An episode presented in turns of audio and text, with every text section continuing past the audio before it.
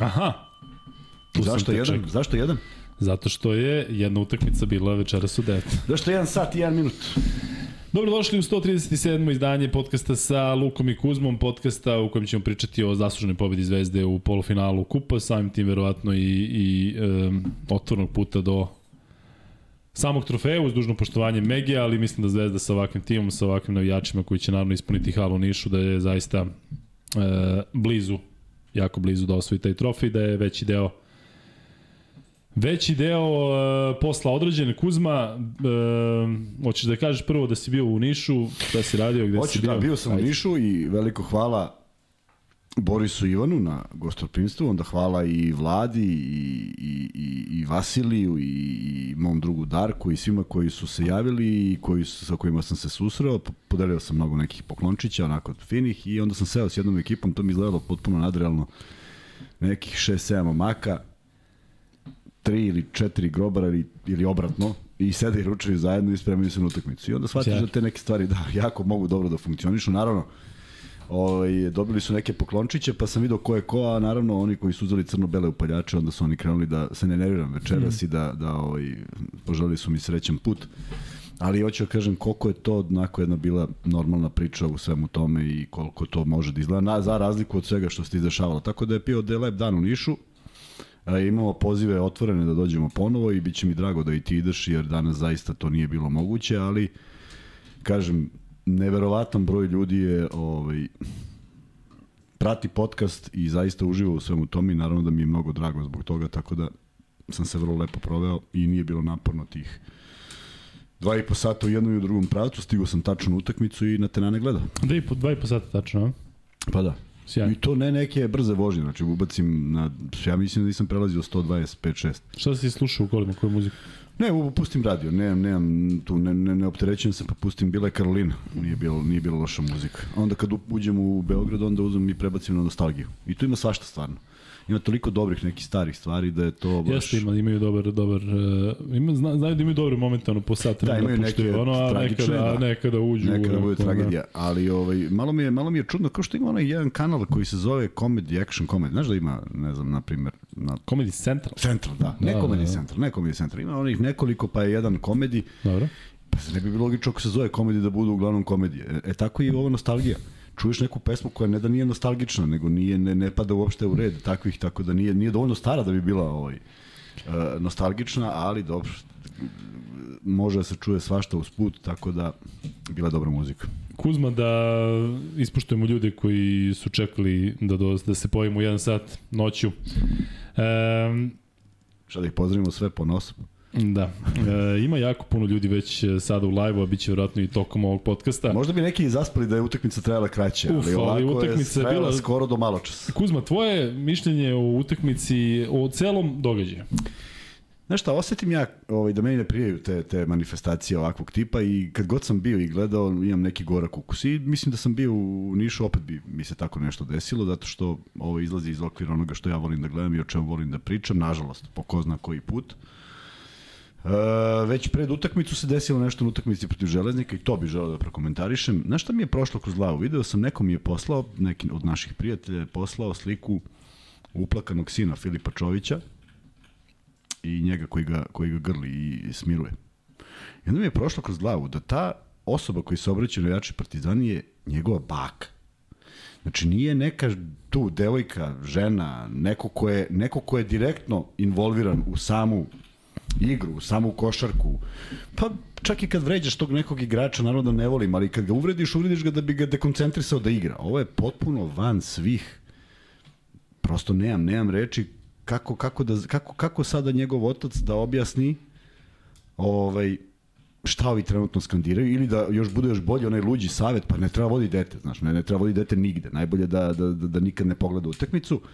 I onda mi je prošla kroz glavu još jedna vrlo bitna stvar, ja ne znam koliko ljudi poznaju Filipa Čovića, ja ga poznajem vrlo površno. Stanujemo jako blizu i vrlo je jedan divan momak i odličan komšija i uopšte vrlo vaspitano dete. A, neka svako ko, ko, ko mu uputi nešto pogrdno bilo kom članu njegove porodice, samo zamisli, a sigurno poznaje decu mnogo velikih i jakih ljudi. I neka malo pogledaju kakve su im deca. Ovo je, dakle, oličenje suprotnosti kako neko može da bude normalan, a da ima oca koji je izuzetno bitan već 30 godina u je mnogim sferama života i u košarci i van košarke i u politici i zaista se radi o jednom par excellence momku. Dakle, nije on moj drug, nismo mi nešto bliski, ali ja to nekako nekako zamišljam da bi u jednom momentu trebalo da prestane. To se radi o njegovoj majci, koja nema veze sa utakmicama i ako ništa drugo, ako ništa drugo, onaj apel koji je uputio Željko Obradović juče da nekim stvarima zaista nije mesto, ja mislim da je ovo jedna od stvari. I uopšte, mi, i uopšte ne, ni, ni, ništa mi drugo, da ne kaže sad neko kako skandiraju navijači zvezde, ništa drugo što zvezdi navijači skandiraju ne ulazi u segment ovoga.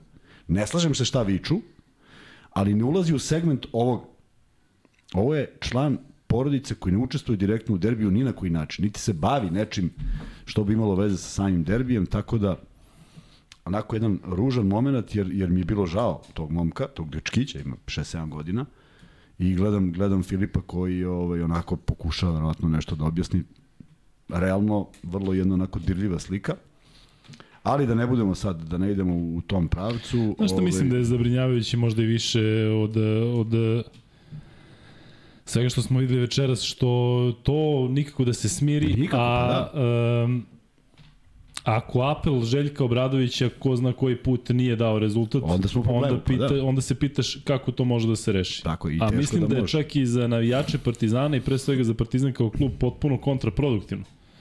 Čak da je, da je to nešto, daje nešto, pa ti sad da kažeš, e, vidiš, to nam je nešto to, da, dalo. Da. da. Iako je najružnija provokacija na svetu, ali stvarno je odvratno i ništa, ništa ne donosi. Ništa. Pa mi nije onda jasno koja je računica Ništa da se da se ne, tako ne znam čak čak mi nije jasno čak mi nije jasno koliko sam ja razumeo to su bili navijači Partizana na utakmici u kojoj igra FNP.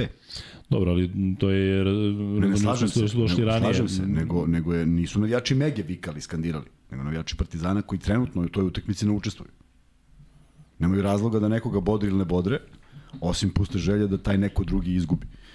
Ovaj, neobjašnjivo je zato što nikako da se, ne, ne da se smiri, nego, nego ja ne mogu, e, vidi, e, često sam razmišljao, ti si me pitao nekoliko puta, pa sam ti možda i rekao, kad je bio najteži moment u tom nekom navijačkom smislu da sam ovaj, čekaj, ne naošte nešto će ti doda. A dodaj slobodno, šta? Ne, ne, priči, priči, priči slobodno. Ovaj, Znaš kad si me pitao koji je bio najteži neki moment, kako sam ja nešto doživao, pa sam ti pričao uglavnom o simpatičnim nekim reakcijama navijača. Uh, jedan, jedan put mi se desilo da me neko pljunuo od navijača i to je onako baš, kako bi ti rekao, osetiš se Priča se to. poprilično glupavo. Ali ima jedan drugi moment koji se desio u Šapcu. Završila se utakmica i mi smo pobedili ili već nešto. Znam da je bilo dosta uzbudljivo. I čovjek me pogleda direktno u oči. Čovjek tada sa svojih nekih 45 godina. Dakle, u tom trenutku meni onako znatno stariji. I kaže, Kuzmanović, i sad onaj susret očima. Znači, nije sad ono neka gomila pa ti od negde čuješ zvuk je li ti majku šlogiranu?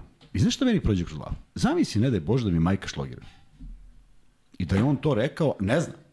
Pa ja sam, ja, a znaš me dovoljno dobro, sam bio u stanju, za trenutak sam se zamislio, kako izgleda da skočim gore i da ga udarim iz sve snage pesnicom u glavu. Nije bio daleko. To je bilo ostvarivo. Ej, znaš koliko mi je trebalo da se smirim? Samo zato što nema nikakve veze sa mnom debilu, konju, ružni, mršavi, šta god, potpuno mi je sve jedno, da li me razumeš, ne bi ni odreagovao. Ali ovo mi je prošlo kroz glavu u momentu utakmice, što nije dobro. Jer ne treba nikakav fokus da se da se ovaj otklanja od toga i, i to stvarno zna da zaboli. A ovo traje već godinama i nema nikakav nikakav efekat u svemu tome, sem, sem da je ružno. Pa kako si se iskontrolisao? Šta je bilo? Kako si rešio? A to, pa ne, pa stao sam, stao sam za trenutak i ma, onako bio sam da da krenem, ne, ne, nešto, on je nešto počeo priča i tu je bila neka gungula, nešto se dešavalo na kraju utakmice tako da su naleteli neki neki ljudi, pa ja sam izgubio izgubio neki fokus u odnosu na njega, ali dok sam odlazio razmišljao sam da li je trebalo da skočim gore i da za onako i sve snage, pa šta bude, nema veze. E, A u krajnjem slučaju, nešto što čak nismo ni potezali, a čak nismo, nismo ni želi da, da, da ovaj, negde pričamo o tome, a to je sada ne spekulacija, nego se pojavio neki, neki natpis da je, da je ovaj, Zvezda podnela tužbu i da je dobila tu tužbu protiv Partizana, sad pre nekoliko dana. Dakle, i na sve to, nema nikakve veze. Ne znam, ne znam zaista i žao mi je što ćemo opet morati da pričamo o nekim stvarima jer je bilo dobrih momenta košarkaških, bilo i nekih neverovatnih stvari, bilo je lepih poteza, videli smo neke igrače koji su, koji su mogli da obeleže derbi da nije trajao oliko dugo i na kraju i onaj prekid koji koji je, ne znam, ne znam šta da mislim i da li je bilo ranije neki moment ili, je, ili nije trebalo ili ne znam, uopšte mi nije jasno, znam samo da su se povukle sudije sa terena i da mi jedno vreme nije bilo jasno šta se tačno čeka. E, verujem da ste, da je većina vas ovde protiv e, ovih e, suludih dešavanja na tribinama, ali mi je zanimljivo kako neki od vas su protiv toga i onda slične stvari pišete tu. to je ovaj, malo onako kontradiktorno, ali dobro. E, ne, zašto se kreće ko je prvi? To je ono što je osnovno. A je sećaš kad ste vi, a je se sećaš vi kad ste da. vi. I tako u nedogled, zato što nikad neke sankcije nisu bile uh, kakve bi trebale da budu. Ne, ima, ima jedna stvar na koju bih ja da skrenem pažnju, a tiče se Partizana i to usko Partizana. Ja sam o tome pričao, oni koji prate podcasta, nadam se da ima dosta vas koji ste večeras ovde i koji pratite sve što se dešava uh, od početka, ili bar, recimo, od početka ove sezone. Uh, to je ponašanje Matijasa Lesora. Dakle, ja sam o ome pričao uh, u prošloj sezoni, pričao sam tokom pauze, pričao sam na početku sezone onda smo svi bili opijeni uh, igrama Matijasa Lesora, navijači Partizana i njegovim aktivnostima, onim koji su zaista pozitivni za pohvalu da je kum na svadbi, da peva pesme, da je uvek nasmejan, da već šta radi. Međutim, Matijas Lesor ne može da se kontroliše. I u Partizanu je to trenutno glavni problem. Dakle, kada on to radi na meču Monako budućnost, pa Monako pobedi, pa njemu neko nešto dobaci, pa on hoće da se bije, to nam je simpatično. Kad kaže priči srpski, frki mrki. Kada je ovde bio predsednik Partizana, rekao je da je iznenađen kako on dobro priča srpski. Što je odlično, da mu neko objasni. Dakle, e, Matijas Lesor je upropastio dve možda i najbitnije utakmice Partizana ove sezone. I sve drugo što je uradio, meni pada u vodu. Dakle, on je pred utakmicu Euroligije protiv Zvezde, kada je Nedović dao trojku, sećate se rekao kako je, će Zvezda da bude glavno jelo, nekoliko dana nakon što je Zvezda napunila Partizan u ABA ligi. Dakle, nema smisla. Znači, potpuno nema. I dečko očigledno ne shvata da time kod e, igrača ekstra klase budi gnev koji kažu, aha, e, vidjet na terenu. I prvo što je Nedović rekao u, u intervju sport klubu, odnosno izjavi sport klubu, rekao je, da, čuo sam da smo glavno jelo, pa evo sad smo glavno jelo. I dečko se i dalje ne kontroliše. Rekao sam tebi pred e, početak podcasta da je on očigledno nije svestan da je večeras mogao da izazove krvoproliće. Da nije stao egzom ispred njega i da je udario Vildosu, koji je branio potpuno, potpuno opravdano kampaca svog drugara iz reprezentacije iz tima, kao što bi svako branio. Šta god da mu je rekao, dakle, Vildosa, Vildosa tu jednostavno je bio neko ko dva glave manji i 50 kila niži je krenuo na Lesora ili šta god je uradio, dakle čovjek je ispao, tako bi svako radio. I onda Egzu mora da smiruje, što se meni generalno nije dopalo, da Argentinac brani Argentinca, pa Australijanac uh, smiruje Francuza u, u završnici Kupa Koreća. Dakle, ja sam o ovome govorio na početku sezone. Ne radi se o slobodnim bacanjima koji su promašena, ne radi se o ispadanju obrani, ne radi se o faulu na Mitroviću na 7 metara od koša, to su košarkaške stvari koje bi trebao neko da mu objasni, kao što je Željko rekao, videlo se, čitalo se Susana Smajlagiću, sto puta ti pričam istu stvar, a ti opet radiš. Re, na stranu onaj airball kad je bio sam, ali odluke Smajlagić u odbrani su zabrinjavajući najmanje ruku. Ali Matijas Lesor je napravio najglupaviji faul ikada na Vildosi kada ga je faulirao na šutu za tri. Kad je Partizan mogao da se vrati, on pravi faul, udara ga po obe ruke nakon šuta gde je dobro isparirao da ovaj ne može da da trojku ili da bude teško da postigne trojku i posle na liniju penala ovaj dao sva ti slovna bacanja i onda nastaće na kampaca i onda hoće da se bije. I kada sam ja govorio da će Lesor da košta skupo Partizan u bitnim mečima, mislio sam tačno na ovakve stvari. Nisam Baba Vanga da predviđam šta će se desiti. Ali on je prošle godine hteo da se bije sa navijačima Zvezde u, u finalu ABA lige. I sada će da bude targetiran, sigurno, zato što su videli da, da mogu tako sa njim. I džaba, ja mu čestitam svaka čast na tome što je kandidat za MVP-a Evrolige. Ali ovo večeras je skandal skandal i ako ne može, evo sada pravim, pravim paralelu, ako u Partizanu ne mogu da iskontrolišu svoje igrače, je onda realno da se očekuje da navijači u hiljadama ispoštuju, ispoštuju nešto što, što se traže njih? Tako da hoću da kažem da je Lesor neko ko me nije razočarao, zato što sam nažalost ovo očekivao. Vi vidite koliko on donosi naravno ekipi i kakvu energiju donosi, ali džaba. Džaba ako ti uh, u ovakvoj utakmici pokažeš da ne umeš da istrpiš, ne umeš da, da izgubiš, ne možeš da podneseš poraz, I to nije prvi put. Nije treći put, nije peti put. Jeste drugi ili treći put konkretno u ovakvim utakmicama protiv, e, protiv Zvezde, ali izaći pred Euroligu i reći vi ćete biti glavno jelo, bez ikakvog povoda. Dakle, Zvezda je razvalila Partizan u prvom meču oba ligi. I da sad uradiš ovo, sreća pa je ima još u sezoni, dakle s tim momkom, ako dobro razume srpski, kao što smo čuli ovde, neko treba da sedne da razgovara. Ako ne funkcioniše i ja se dobro sećam šta si mi rekao prošle sezone i rekao našim gledalcima, da je Topić njemu govorio u Zvezdi jednu stvar sto puta i da on izađe i, i uradi, uradi nešto drugo. I imao sam tu priliku da prenosim uh, i Monako, da prenosim i francusku reprezentaciju gde igrao Lesor, to su jako problematične odluke u završnici. Jako problematične odluke.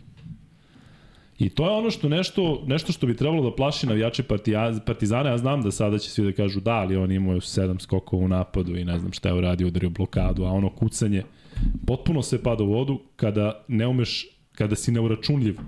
U trenutku kada si timu najpotrebniji. I onda pogledajte, kada sam ja govorio da je Zek Ledej najbolji igrač Partizana, mislio sam celokup.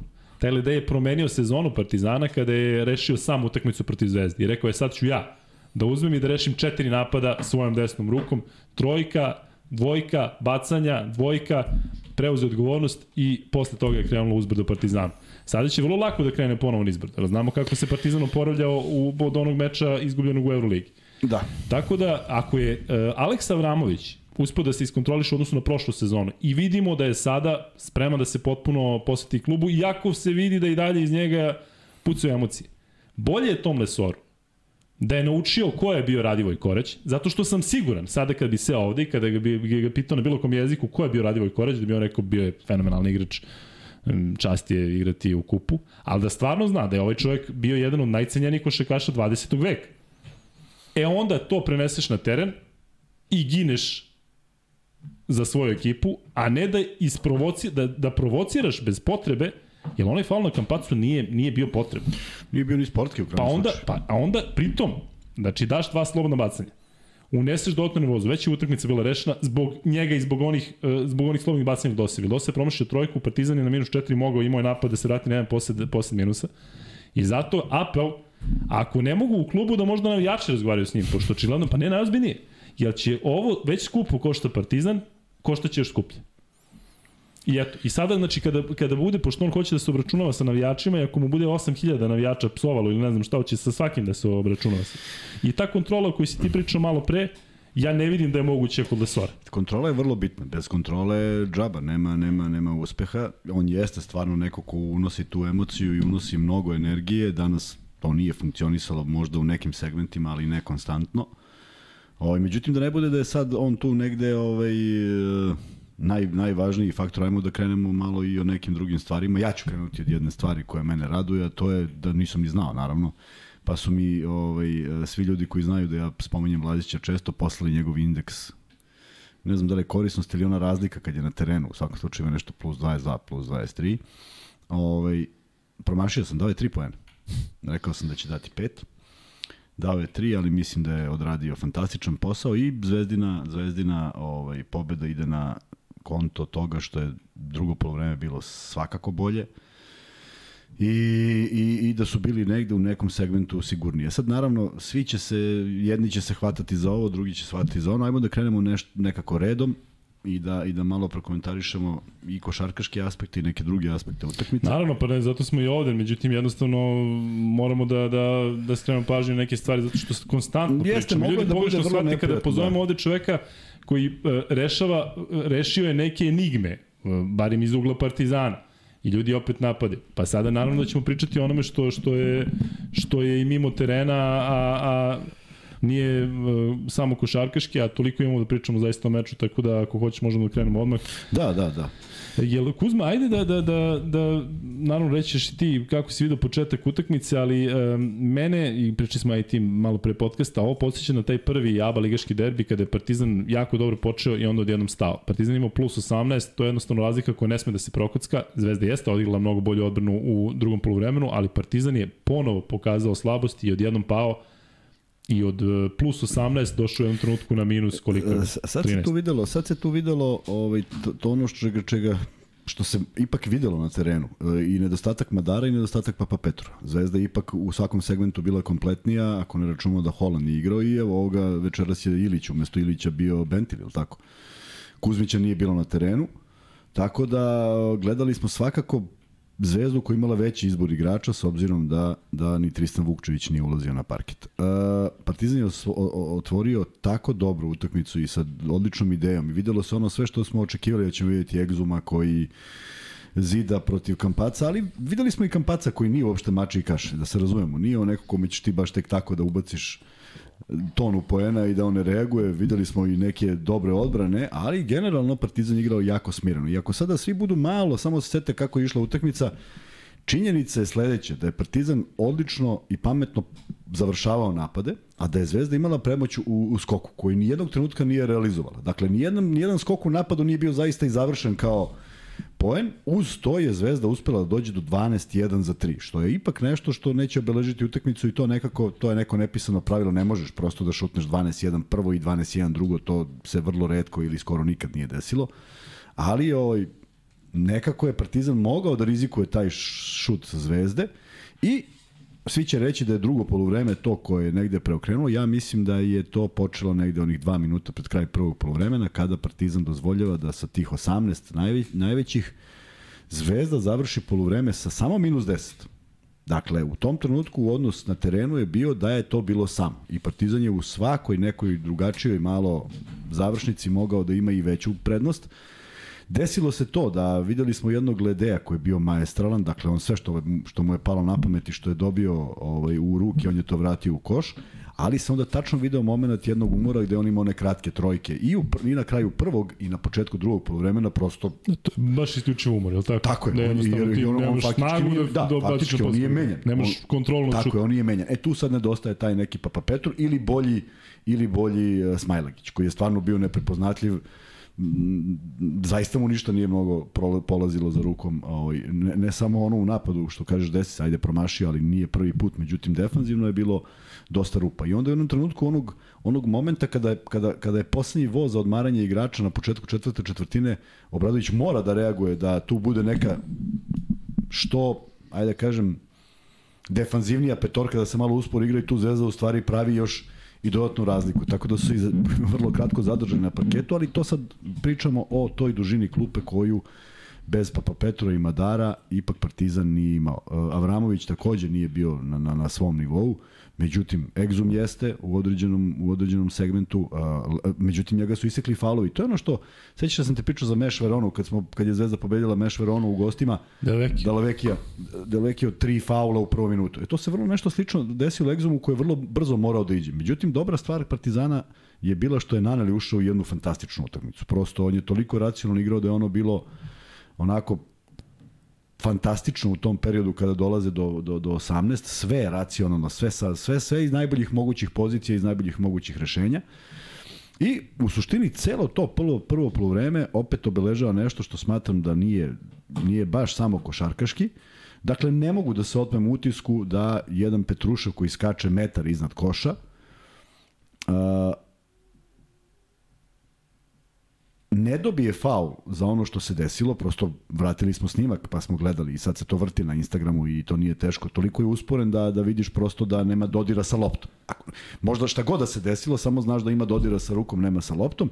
Jer zamišljam, sudiju uopšte ne, ne, ne želim da verujem da on namerno to nije dosudio, nego šta misliš da je bezbolniji u tom trenutku? Da duneš faul i da ga ne duneš?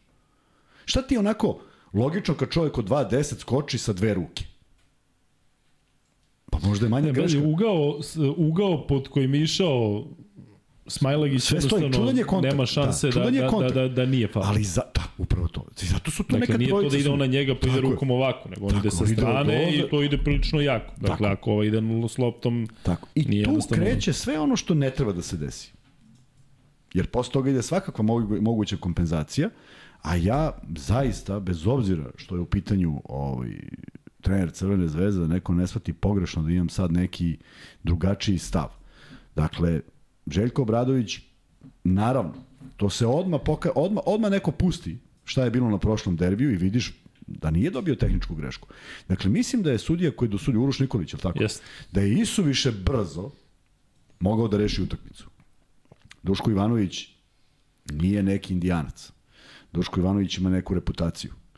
Ne verujem, bar ono što sam čitao sa usana, da su bile psovke familije, rodbine i svega ostalog. Znači, mogao je da, da protestuje zbog nečega i, ispo- i po mom mišljenju opravdano protestuje i da dobije jednu drugu.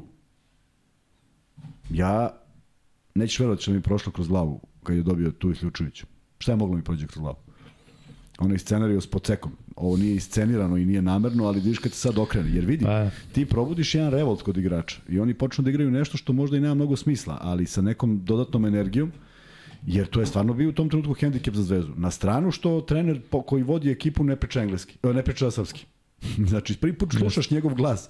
Prvi put slušaš njegov glas, treba ga razlikuješ. Ja ću ti reći, Ko- iskreno nisam znao ko je onaj čovjek. Ja sam mislio da će Nenad Jakovljević da preuzme ekipu. Ja nisam znao ko je onaj gospodin. Pa, španac ovaj. Pa znam da je, postoji neki španac koga je doveo Duško je, Ivanović, ali sad da. ja ne znam njegovu biografiju. Da, ne, da ne, on oni šta rade dugo radi. zajedno i on je trener i tako dalje. Ali sad on preuzima i sad zamisli ti treba onoj gu- gunguli da izoluješ njegov glas, nikad ga možda nisi Jeste, slušao. znaš šta sam razmišljao? Da je, da je možda dobro za Kampaca i za Vildosu. Njima je možda pa Ne, njima je ekstra, znaš, konačno Nije, imaš sad hvala Ti kaže, razumem. znaš, I, I onda je to celo prvo probleme prošlo dosta mučno u tom smislu zato što se sve gledalo kroz, kroz te odluke uh, i činjenica je jedna da je Partizan, kažem, tih dva minuta posljednja prvog poluvremena i loše otvorio drugo poluvreme. Tek se Partizan negde probudio kad, kad je otišao na opet neki 7-8 razlike do 10, ali u tom nekom momentu kada je trebalo da se rešava, sad će svako da priča o nekim uh, aspektima faulova, jer, jer na to su te naterale sudije da, da bi ti razmišljao o svemu tome i mislim da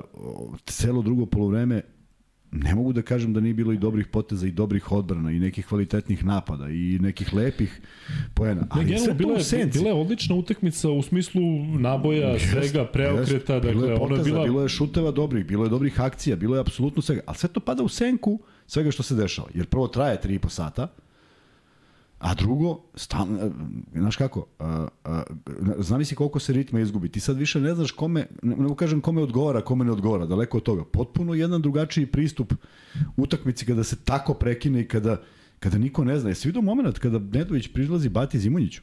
Da, da. Bata ga zove i kaže mu, otišao sudija. On, on klimne, ne može da veruje da, da se to desilo. Dakle, nikom tu ne prija to sve. Nekako je, ja sam u naslovu stavio da ako se završi, pošto, pošto je neki scenarij mogao da bude i drugačiji, sva sreća nije, ali e, kažem, voleo bih da, da, da izbegnemo sve ove priče i da pričamo kako je odigrao Ledej, kako je odigrao uh, Naneli, kako je Panter u određenim momentima davao taj neki ton igri, kako je Egzom dobro rešavao, ali Zvezda našla odbranu, kako je opet Vildos imao neke prelepe poteze, kako je Kampaco bio ona prava energija koja je potrebna jednoj ekipi. On je dosta grešio i brljao i promašivao neke stvari. Ali ti vidiš jednu, kad, on, kad se on zaleti, nikom nije sve jedno, a najmanje na terenu. Dakle, ti, on, on, on želi, ovo je možda i naj, ne možda, ovo je najvažnija utakmica u ovoj sezoni. Tako da je on želeo da bude njegova. Nedović koji pogađa Izvini, onim kada momentima. pominješ Kampaca, ovde ljudi e, pitaju pa kako nije bila provokacija Kampaca na Andjušićem. A pa to je baš bila provokacija, e, ali da zna da se zaustavi. Ovaj dečko je krenuo bez bilo kakvog e, momenta da, da, da će negde da stane. Govorimo Lesor. A, ne. Dakle, ono je bilo Kampaco kada je krenuo na Andjušića, ono je bilo aha, e sad ćeš da vidiš šta ćemo da sad ćemo ajti da i znao je kad u tom kom trenutku se zaustavi možda i bila ideja da se dobije tehničku, ali Kampaco je to radio inteligentno. Ono što je Leseo radio, nema veze sa inteligencijom. Dakle, i zato je Kampaco, Kampaco, Kampaco je izvukao jedno šest faulova, koje verovatno neki, neki playmaker ne bi, ne bi izvukli. Ja kada sam pričao ranije da je Partizanu e, potreban playmaker, meni je žao večeras što ja nisam vidio da se neko sa Kampacom nosi jedan na jedan playmakerski. Nije imao niko. Playmakerski. Pa sve je bilo i preuzimanje Znači. Pante, pa jeste. A to je ono što smo mi pričali juče. Ali volio bih sad da budemo jedan na jedan. Brate, sad, Kampaco i osoba X. udri jedan na jedan da vidimo ko je tu bolji. A ne da ti sad mi... Uh, pred početak meča gatamo ko će da bude uh, igri, ko na kome, ko što smo juče pričali, ko će na Kampacu, pa Panter, pa će možda ova, ko će da čuva Nedovića, pa smo znali da će da se preuzima sve. Sve, I to je nešto što bih ja košarkaški volio da vidim. Volio bih da vidim košarkaški kao što smo najavili se, ali u... Petrušev, Lesor ili ne znam ko, da imamo Kampaco i osoba X iz Partizana. A nije, nije. Slažem se, ali opet se, opet se to svodi na broj igrača kojim raspolaže Partizana, bio je manji i činjenica da je da je Partizanova odbrana već već mesecima ili možda od samog početka vrlo slična i dobro je to izgledalo u prvom delu. Mada ruku na srce 12-1 nisam očekivao. E, bilo je tu nekih onako bez veze šuteva, ali bilo je tu i potpuno otvorenih šuteva koje su promašili. E, ima jedan onaj moment kada, kada u drugom polovremenu Vildosa šutira sam iz ćoška. Dakle, nikog u odbrani, nikoga, nikoga blizu. Da. Pa se to desilo u prvom polovremenu kad je Partizan bio u napadu, samo ne se ko je šutno. Tako da, nekako, nekako je, nekako je od, od samog početka, od tog nekog desetog minuta gde je Partizan zaista sve kontrolisao, zaista mislim da je energija bila na, sna, na, na strani Zvezde. Delovalo je više, baš iz tih nekih razloga koji su izdešavali i koji su potpuno poremetili ekipu, jer kad izađe prvi trener, prosto ne možeš da računaš da je sve normalno i onda se pali neka crvena lampica i bude mnogo toga drugačije. Međutim, taj trio Vildosa, Kampaco, Nedović uz neke greške, uz neke loše procene, uz možda malo više promašenih slobodnih bacanja nego uobičajeno, pošto je Kampaco promašio Jest. 3 ili 4, Nedović je promašio posle 100 godina, to jedno. Ovaj, međutim, Mitrović je davao kad je bilo bitno, Petrušev kad je bilo bitno promašio, međutim i Petrušev je osetio da ima neki moment kada je on trebalo da nešto uradi. I stvarno je uradio. I to je uradio izuzetno kvalitetno, košarkaški, ne ono samo je ta lopta ušla, nego je, nego je moment i, i, i samopouzdanje koje uzima bilo na nivou, tako da je Zvezda u suštini pre svega zahvaljujući njemu ovaj, se vratila u, u tu utakmicu, a onda... Ja, Luka Mitrović je toliko siguran i toliko da, pouzdan da, da, da. da je zaista, ja mislim, iz trenerskog ugla, iz navijačkog ugla, iz ugla saigrača Milina igrati sa tako nekim Slažem tipom. Se. I ovde kada je bio u podcastu, zaista je, pogledajte ako niste gledali podcast sa Lukom Mitrovićem, dakle, jedan momak malo reći na mestu, koji jednostavno Ne mogu čak ni da ga poredim sa nekim visokim igračem koji, ne, što je tipičan, zato što je tipičan potpuno i on nema tu visinu za, za tu poziciju, a tako se dobro snalazi, onda nekad uzme i zakuca iz, iz faktički iz jednog Jeste. koraka i deluje ti onako neverovatno, a onda nekad toliko mozga upotrebi pa položi baš zbog toga da bude da ne tako bude neki faul ili nešto, nego da bude što sigurnije. Tako da je bio vrlo bitan faktor, ali sad kad vratim film, kad pogledam sve, dakle, mala minutaža Dobrića i mala minutaža Markovića Svi ostali igrači su odradili prilično dobar deo posla, kada se gleda košarkaški. Dakle, i Lazarević imao svoje momente kada je u odbrani igrao dobro, Lazić naročito, Međutim, ovo sve ostalo je na nekako u rangu očekivanog. Martin je možda mogao za nijansu neke stvari bolje, ali vrlo dobro je zatvarao reket i dobru odbranu odigrao u pojedinim momentima kada je, je to bilo bitno. Kuzma, da se zapita čovjek šta bi bilo sa Zvezdom i gde je bila Zvezda da su uh, umesto Bentila, Martina i Holanda došli neki momci koji, naravno, koji više naravno, utiču na ekipu. Naravno, dakle, koji bi bio domet da se tokom sezone slažem počelo se, ovaj mali uticaj za ovakvu utakmicu, mali uticaj, da. ali eto, tu su, tu su ipak dva, dva u stvari tri majstora Čunovića Nedovića koji opet odigrano vrlo racionalnu utakmicu imao je par prodora koji su toliko brzi da, da, da, da, da prosto ne možeš ni da ne možeš mnogo toga da uradiš, pa je Lesor napravio faul u onom momentu kad misija možda stigne. Ali izvini, važnost Nedovićih prodora u trenutku kada je ušao i kada je Partizan dominirao, Jeste, ne, on je sam Tako držao, držao, držao zvezdu igri. Imao je onaj šut čim je ušao, odmah je jedno da, spalio ima, jeste, da. i onda je verovatno shvatio pa ajde da, da opet, priđem opet bliže košu. Opet ono što pričam iz desne, iz desne. ono deluje toliko desne. lako. Jeste. Ono deluje toliko jest. lako da je on, recimo i od tog Lesora koji je zaista fizički dominantan, kada se našao u reketu sve. Koji Tako, može, koji da, može da stigne, ima dobar tajming da, da se podigne bananu. Da on onako ovaj, Tako, završava. opet je ovo bila jedna od utakmica, možda ne, ja ne znam koliko je Nedović dao poena, ali imaš da si otvorio statistiku možda? Nisam sad ima negde. Pogledaj čisto onako, zato što mislim da je bila, iako nisu to neki 20 i nešto poena, mislim da je odigrao izuzetno racionalnu utakmicu, što je, što je bilo vrlo bitno. Uh, mislim da nema neku, neku veliku potrošnju lopti, a nekako mi deluje... Ne vidiš 14 poena, da. 3 asistencije, da. 3 od 3 za 2, 2 od 5 za 3, 2 od 3 sa pa, da, penala. To je to, tako je. E, to su, to su brojevi koji, pazi, iz koliko to šutira 14 poena bez ikakvih problema. Tako da, uz neki 6 do 9 poena što je u asistencijama zaradio, prema tome od njega više nego, nego, nego dobro. Uh, ajmo, ajmo po, ajde drugi igrač. E, Vildosa, on je najefikasniji u Zvezdi 15 poena, 6 Da, skupio, jedna asistencija, ali prvo ali- jako loš. Tako je, da. I kako se Zvezda digla, tako se on digao. tako, i on se digao i pogodio neke vrlo 2 od važne 8 je šutirao trojke, što je možda jeste. previše Ali oni momenti trojki. kad je da, ali momenti kad su te trojke ušle, to je ovaj prosto, znaš, ima jednu na pola na poluvremenu koju je šutnuo, pa ta isto stoji kao šut. Ali vrlo bitni momenti i on sa puno energije i želje da da ovaj napravi neki rezultat. Petrušev 14 poena, jedan skok, ali jako bitni koševi u onom trenutku Jeste, kada se ali, kada ali se čudi da je jedan skok. Da. Čudi da je jedan Jeste. skok, ono prosto kad vidim Ali delo, delovalo da je, da je, ne znam da li taktički, ali delovalo da je, da je baš daleko od koša. Da je jednostavno on je na trojici bio previše. On je pogodio e, dve trojke i ono, kažem, ono, Smajlagićevo kre, neobjašnjivo. Pa mu Željko kaže, sto puta ti govorim šta radiš to.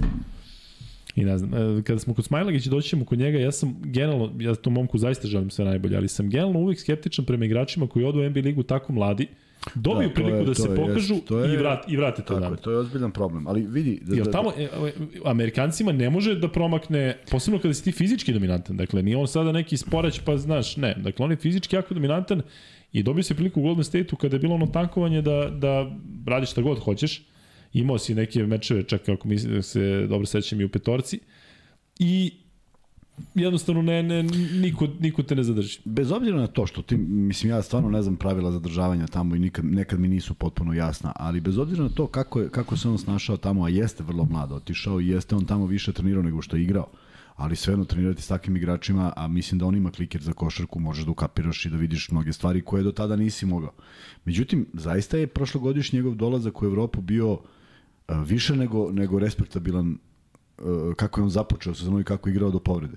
U smislu, kao da je on već ima nekoliko godina iskustva i pred navijačima i u tom nekom sistemu i međutim, zaista ga je povreda toliko poremetila i nije on ni blizu ono što je bio, a nadam se da je to ipak neka prošlost i da će to da se nekako vrati, jer uh, na, naš, pogledaš, pogledaš zre- zrelost igre baš konkretno na ovoj utakmici njega i Petruševa, dva momka koje su isto godište, dva momka koje su zajedno osvajali medalje i borili se po evropskim prvenstvima. Tu su bili Pecarski i Ilić u toj generaciji, tako? Pesarski Ilić, jeste. Da, da.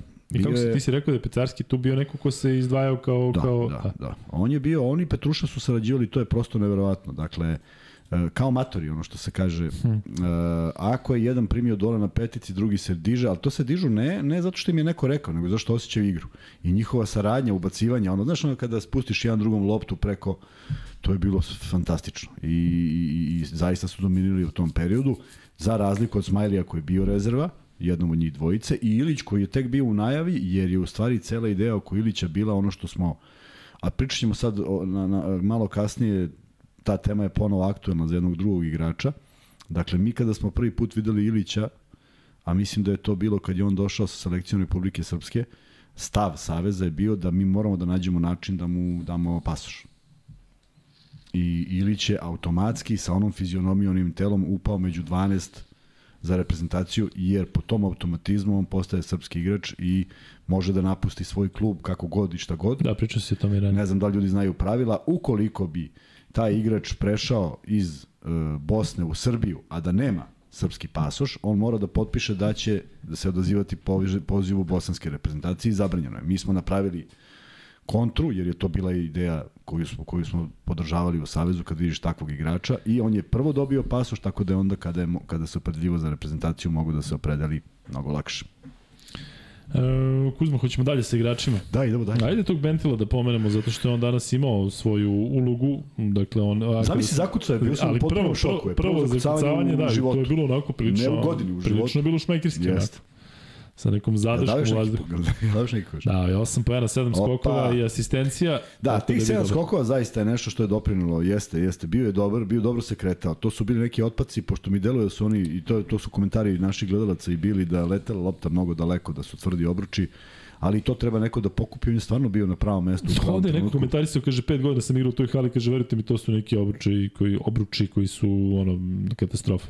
Na, na koje je ovde pričao. Da, moguće. Konkretno, vidi se da zna o čemu priča. Moguće. Da, ali se odbijalo daleko i to je trebalo pokupiti. Tako da je Bentil o, o, zaista odradio jedan prljav posao. Nije bio on ništa ovaj, drugačije raspoložen košarkaški, koš geterski, šutno onu jednu trojku, je bio potpuno sam, videlo se to kako izbacio da, da, da, da nema table, otišlo bi u publiku, ali e, e, e, vidim da kad je ušao u, te, u onu teren da je, da je imao fokus šta treba da uradi. I skinuo je dve, tri lopte, što je najvažnije, i odigrao dobru odbranu ovaj, sem onog namernog faula koji je, koji je načinio nad Lesorom u drugom problemu.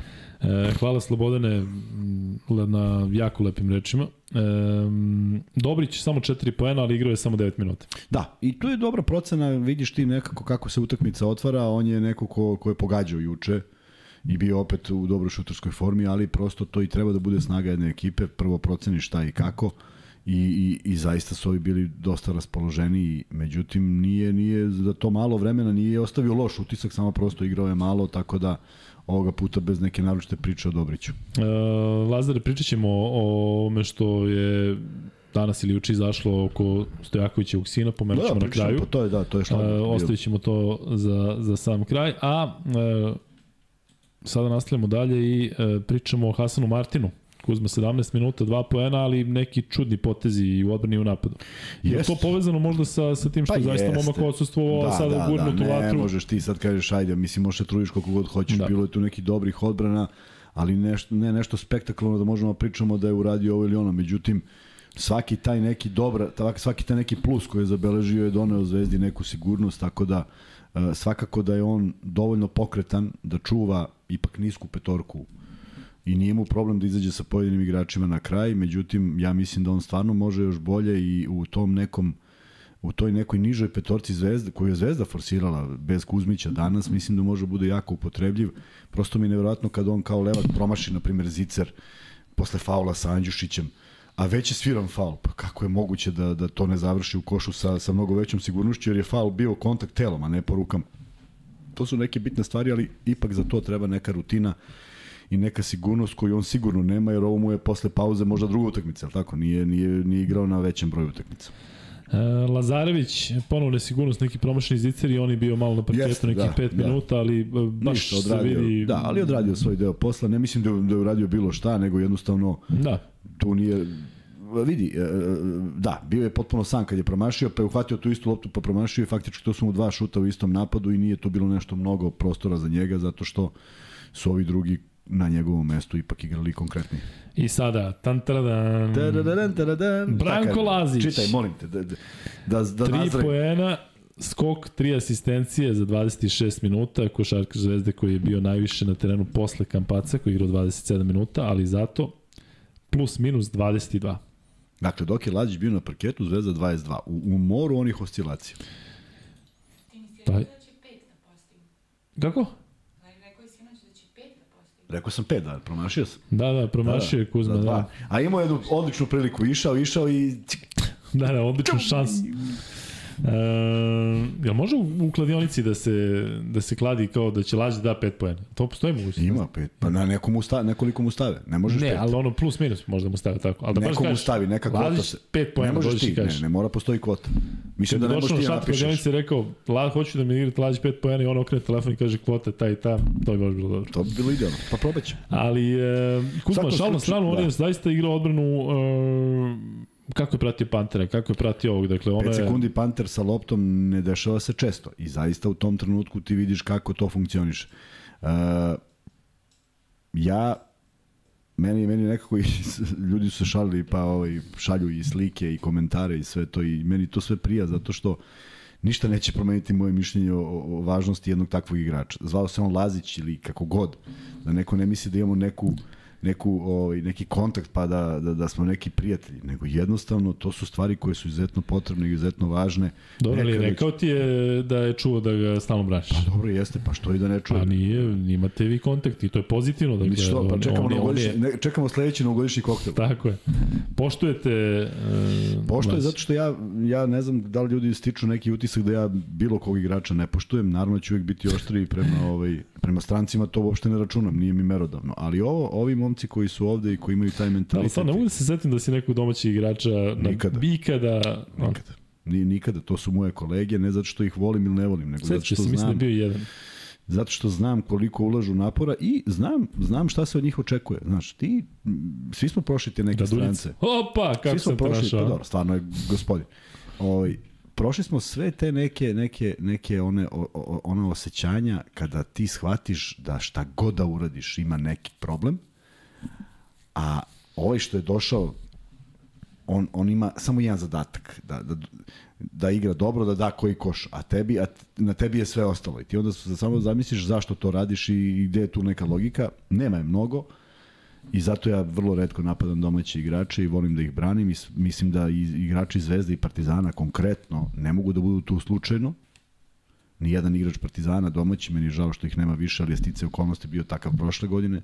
Nikad nisam volao da koliko smo mi pričali o Zagorcu i čekali da se da se da se yes. da se podigne. Pa to je zato što ga znam iz nekog perioda kada je on možda to ljudima zvuči neverovatno, ali kako je on izgledao 2015. u Linjanu na U20. Ta petorka. Jaramaz, uh, Gudurić, Zagorac, Apić, Davidovac. Pa to je to, to, to majstori. Oni su prošetali kroz prvenstvo. Niko nije bio blizu. Znaš kako su igrali? Pa to je to. Svi 95. godište. Cela ekipa je 95. godište. Tako da mi je žao, eto, kada neko tako ne, ne uspe da ostvari neki svoj potencijal, ali vratimo se na Lazića, vrlo bitan faktor za zvezdinu igru, što je više na parketu, to neko izgleda bolje, tako mi deluje, jer vidi, ako on ima plus 22, a Partizan je išao na, minus, na, na, na plus 18, to znači da on uopšte u tom periodu nije bio jer nema šanse da ostvari 22. To znači da je on igrao prvu četvrtinu i, i, i, i drugo polovreme. Tako da... 1 5 trojka. E, on je dao onu trojku na početku. Na početku otvorio. Da, jest. i to je dugo bila jedina trojka tako Crvene zvezde. Tako je, 12-1, to je prvo da. polovreme. Niko nije postigao trojku Sen Lazić. E, dobro, nakon Kuzminovih očekivanih hvalospeva o Laziću. Tako piše. Idemo, e, idemo dalje i sledeći igrač, sledeći igrač o kojem ćemo pričati. Nedostaje to mi nedostaje, mada imam zapisano kod da. kuće, pa malo, Nismo pojeli Kampaca, Kuzma, trebalo bi malo više da se ajmo, držimo na njemu. 12 pojena, 4 skoka, 7 asistencija. Mislim da je Euroliga napravila sebi medveđu uslugu da će taj Kampaco naplatiti Euroligi. Sad će duđe da igra. Ja, ali nazbini, ako ostane i naredne sezone, taj Kampaco će, uh, deluje mi kao takav tip koji je fazonu, aha, to ste mi radili, e sada ćete da vidjeti. S tim što je ovaj danas uh, iskalio sve na Partizanu. Um, nije dobro ušao meč, Nije. Kao i Crvena zvezda, međutim kasnije kada je sve proradilo, Kampaco je zaista bio dobar. Ja nemam problem sa njegovih 7 u 10 sa penala, imam ovih problem da je 6 u 10, ali 7 u 10 nije tragično, se slažeš. 7 ne, ne, ne, nije, samo je nekako navikneš yes, da tako yes, playmakeri šutiraju tako sa mnogo manje promašaja. Ali generalno videli ste kako izluči faulove, dakle svaki kontakt, gde god da stavite ruku na kuk, e, uđete nekako, zna da zadrži taman, taman kako treba onako da, da sudije jednostavno moraju da svirnu, baš me podsjeća na Teodosića u tom smislu, dakle uvijek kada krenu onako e, levim, e, levom rukom u dribling, dakle ta desna ruka je tu da šta god da se desi da on nekako, znaš, isprovocira i da, da uzme faul.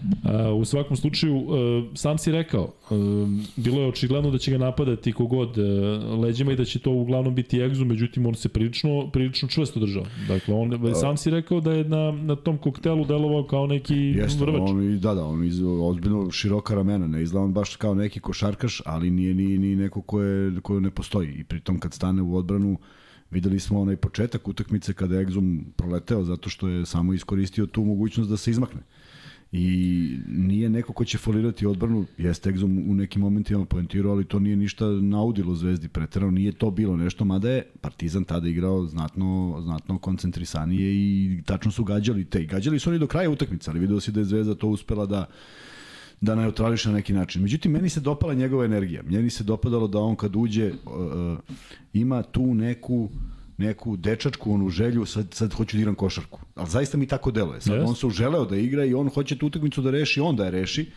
I mislim da je u, u dobrom segmentu i zaslužen za, za, za pobedu. A, na stranu što nije sve išlo i što je bilo nekih ulaza pod koš koji mogu da završe u košu. Možda je ovo isticaj nekih okolnosti, ali izuzetno opasan, izuzetno uh, iskusan, zna da iznudi faul, zna da uradi bilo šta. Ide polemika koju mi ne možemo da vidimo da li ga je Egzom zakačio po licu kada je on prosto ugao kamere iz drugog pravca. Ali znaš po čemu ja jedino, jedino, jedino mogu da, znaš, moraš da vidiš reakciju igrača koji je napravio faul.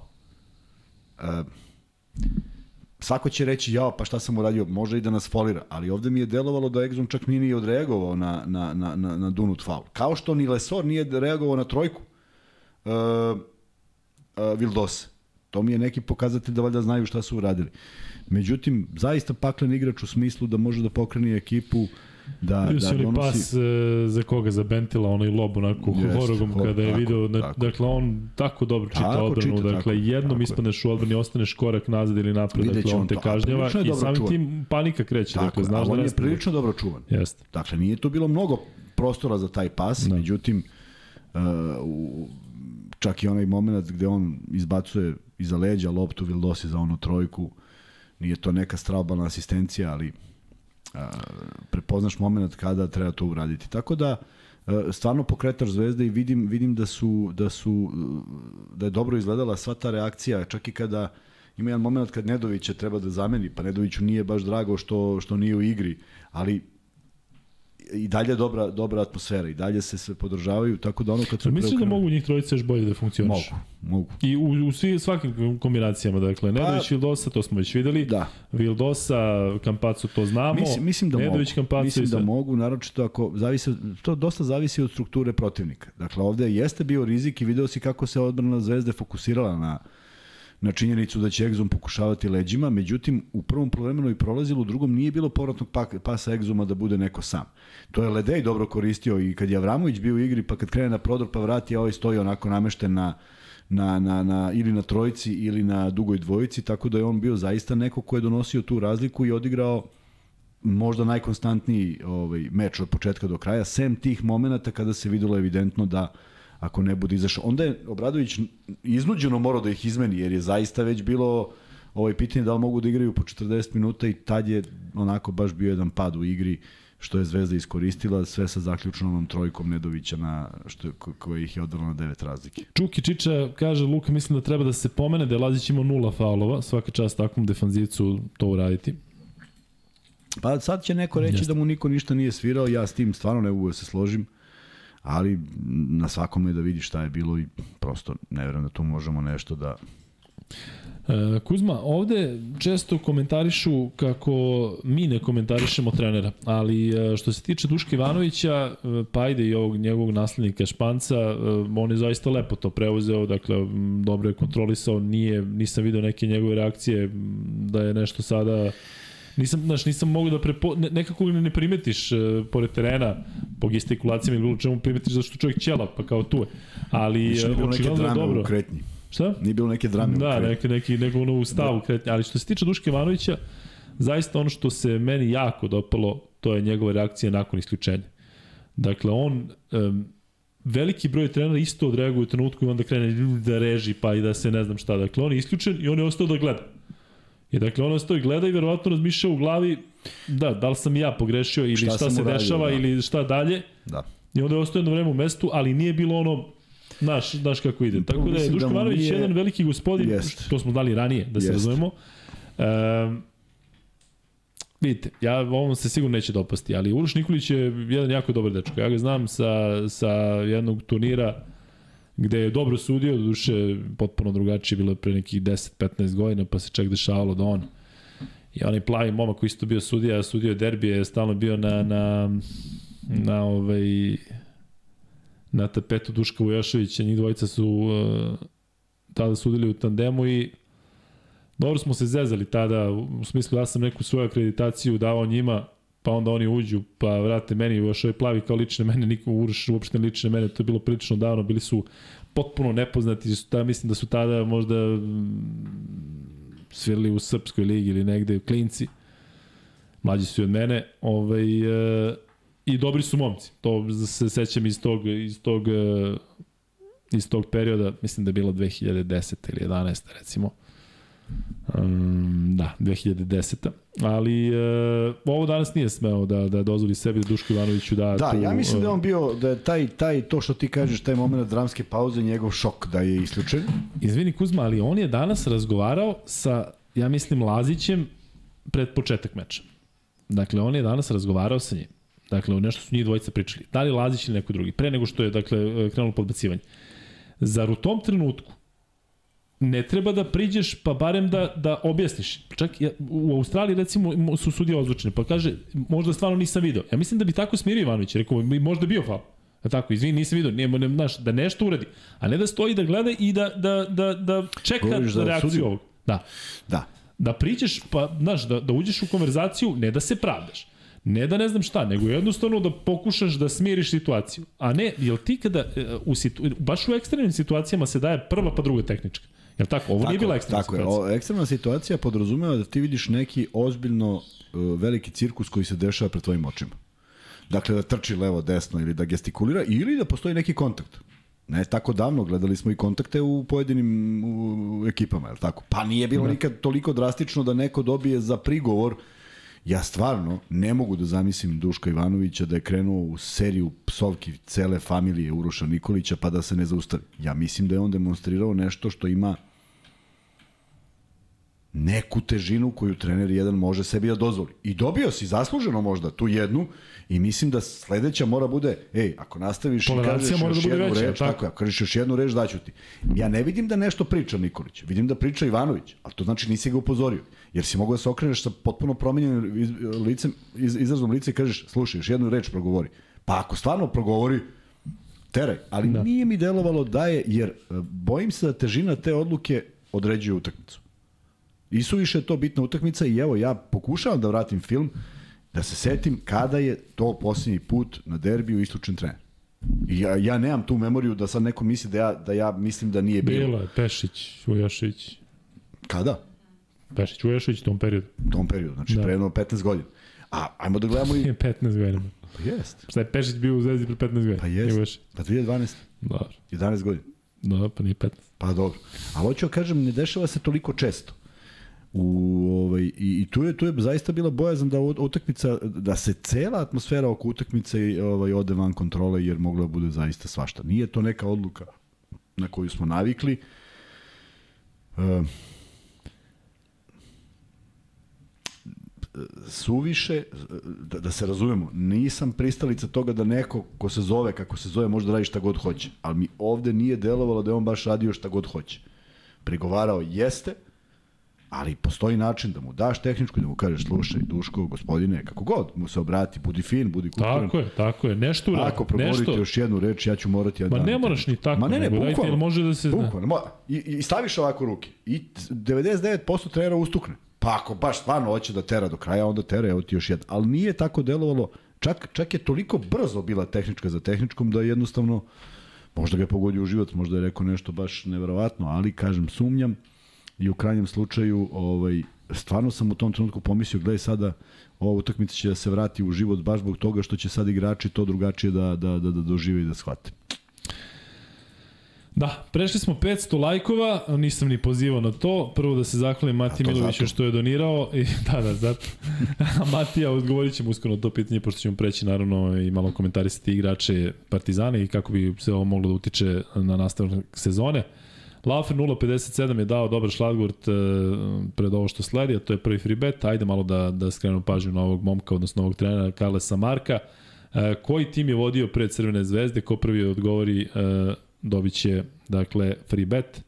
E, ako pratite četa, pretpostavljam da pratite, onda ste i videli, to je e, napisao Laufer, a ja sam proverio, dakle, Kales Marko je pre Zvezde vodio koju ekipu? Tu je bio prvi trener.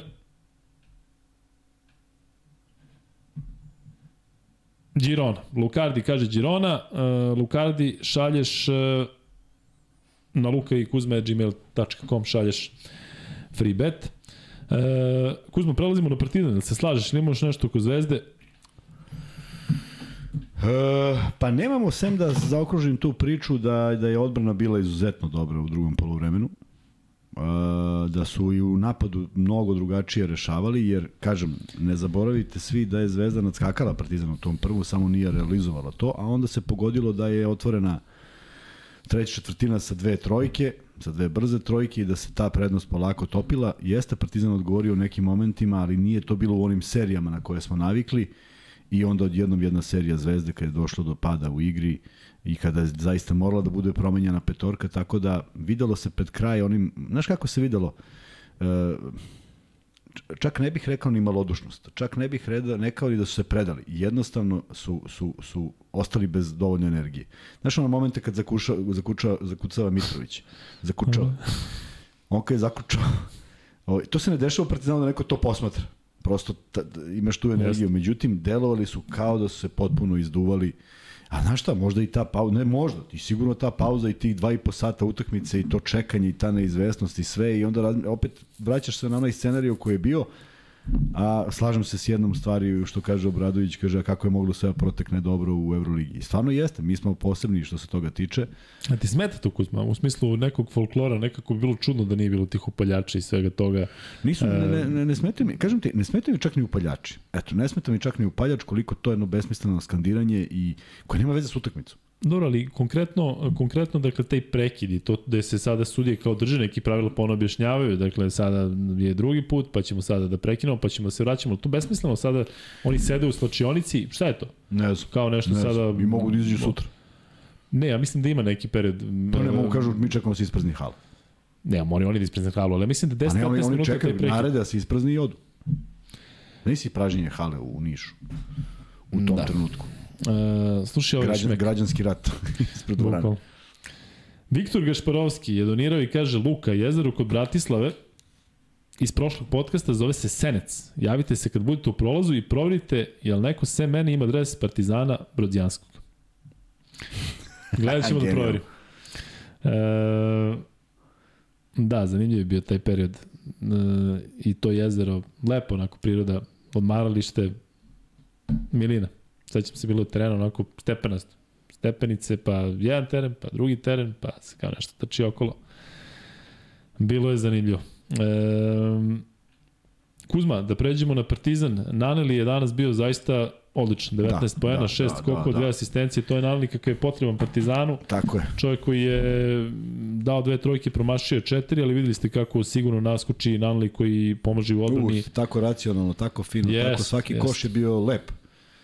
I, i svaki je izra, izrađen bio. Bilo je malo onih šuteva. Onaj šuteva koji je uzeo preko ruke kad je moralo, kad je isticao napad, oni Jeste. eto, i nisu završili u košu, ali sve ostalo je bilo izuzetno dobro. E, Ledej 16 poena, 5 skokova, jedna asistencija, on je sjajno otvorio meč, međutim e, taj problem sa ličnim greškama čak i nije uticao toliko na njegovu minutažu, on je igrao 34 minuta skoro, Jeste. ali se potrošio. Potrošio se Jednostavno, i ljudi ja tač- mislim da ne vide čak koliko je nje, nje, on angažovan u odbrani. Dakle, on, on, on jednostavno Ne vide. sve pokriva, dakle... Ne vide, naravno, i tu je, i tu je gabarit Zvezdin mnogo jači. Da. Mnogo su to veće tela, koga god da preuzmeš, ti si u problemu, a pritom samim tim što preuzimaju mora budeš i u ozbiljno dobrom stavu da juriš ove male. I on je to radio vrlo, vrlo, vrlo kvalitetno, ali tačno je naišao onaj period kad on dve čiste trojke, potpuno čiste šutira kratko. To se, to se Da. ne dešava njemu često i razumijem da je promašio, pa, ali to se videlo da lopta nema snage da dođe do koša, onda se ponovo povratio, opet postigao neke poene, ali da nije on završio na 16, naravno da bi stvari bile drugačije, međutim posle u jednom trenutku i nije imao dovoljno ovaj, upotrebljivih lopti. Bilo je ono jednom da je napravio korake, da što je Martin odigrao, ja mislim, dovoljno dobru odbranu i nije bilo još mnogo pokušaja do samog kraja. Da, vidim da ovde komentarišete komentatore, jeste zaista... Mm, da. E, kada dođemo do 1000 lajka imat ćemo drugi free bet, tako da e, ćemo pričati bilo bi dobro da bude o Partizanu, ali ajde sada da ne znam da ćemo stići u međuvremenu. Dolazimo do Lesora, 13 pojena, 12 skokova, jedna asistencija, 5 od 6 za 2, jednu trojku je promašio, 3 od 4 za, za jedan, odnosno sa penala. Evo, svi javljaju da je Radonjić isključen Jest, u derbiju da. u kupu prošle godine. Eto, Da, da, znači, da. dešavalo se. Ja, eto, samo pitam. Um, stvarno da ne shvatite, da, da niko ne pomisli da imam nešto protiv Lesora, nego se jednostavno plašim da će ovakvih situacija biti ponovo. Uh, bravo za 5 od 6 za 2, bravo od, eh, za 3 od 4 sa penala, promašio jedno slobodno bacanje, drugi obruč pogodio. I onda dolazimo do tih 0 od 1 za 3. To je kraj treće četvrtine gde on na 5 sekundi pre kraja uzima loptu i kreće kreće da sam daje trojku sa pola. I videli ste tada reakciju Andjušića, koji je se ozbiljno iznervirao. Ne znam da si vidio to. Dakle, kada Lesor kreće da, da on da trojku. već me tu iznerviralo što Kampaco ne zna koliko je sati. Čovjek je šutno iz auta, Jeste. iza glave, levom, kroz noge, preko glave. Ti se nerviš zbog kampaca, a što Pa se tiče zar mora Lesora, zna koliko je. A, o, a ti- još ni ovaj ne zna. On je uhvatio loptu pa je sve to polako išlo. Ali deci krenu. Pa I znaš na što me to podsjetilo? jednu, pa ko jednu. Ajde, ko se ovog seti? Taj je najveći car. E, Dejan Tomašević nešto slično uradio u Pioniru pre sada već ima 20 godina. Mislim da mu je to bio jedan od prvih angažmana I kamo seća je 20 godina. i trener je poludeo u toj meri da se zatačao prema njemu, da mu je svašta rekao, da je hteo da, da gotovo da ga udari. Ko je bio ta, taj trener? Ko odgovori nije free bet, ali volio bih da neko evo odgovori, dakle sećam se dobro, bio sam u pioniru, e, da vidimo ko može da se seti ko je bio taj trener. Dakle, sećam se, ma na njega, pa u, dru, dru, i Tomašević ide na klub, ovaj ga prati, znači bukvalno ono, samo što ga negura, negura, uh, negura, ovaj, uh, neverovatna scena. E, to me podsjetilo danas, volio bi da je tako neko odreagovao što se tiče Lesora, ali eto, čekam da vidim da li se neko seća ko je, ko je bio taj trener. Damjan pita zašto Lazarević nije čuvao Ledeja. Da, je interesantno. Ja sam mislio da će zaista biti na njemu. Ali prosto takva je takva ideja bila. Jugoslav Nešić kaže zašto nisu sudili Belošević i Jočić. Ne znam. Jel ti znaš nešto o tome? E, nešto je postalo neko objašnjenje. Kako. ne ozbiljno, nešto pročitao sam, samo nisam, nije me interesovalo kad vidim, kad vidim to što, ko što ti kažeš, određene su sudije za ovo, obrće mi se u stomaku. Ne znam, vidio sam, čak i bio naslov nešto, tre, sudijska trojka iz Beograda.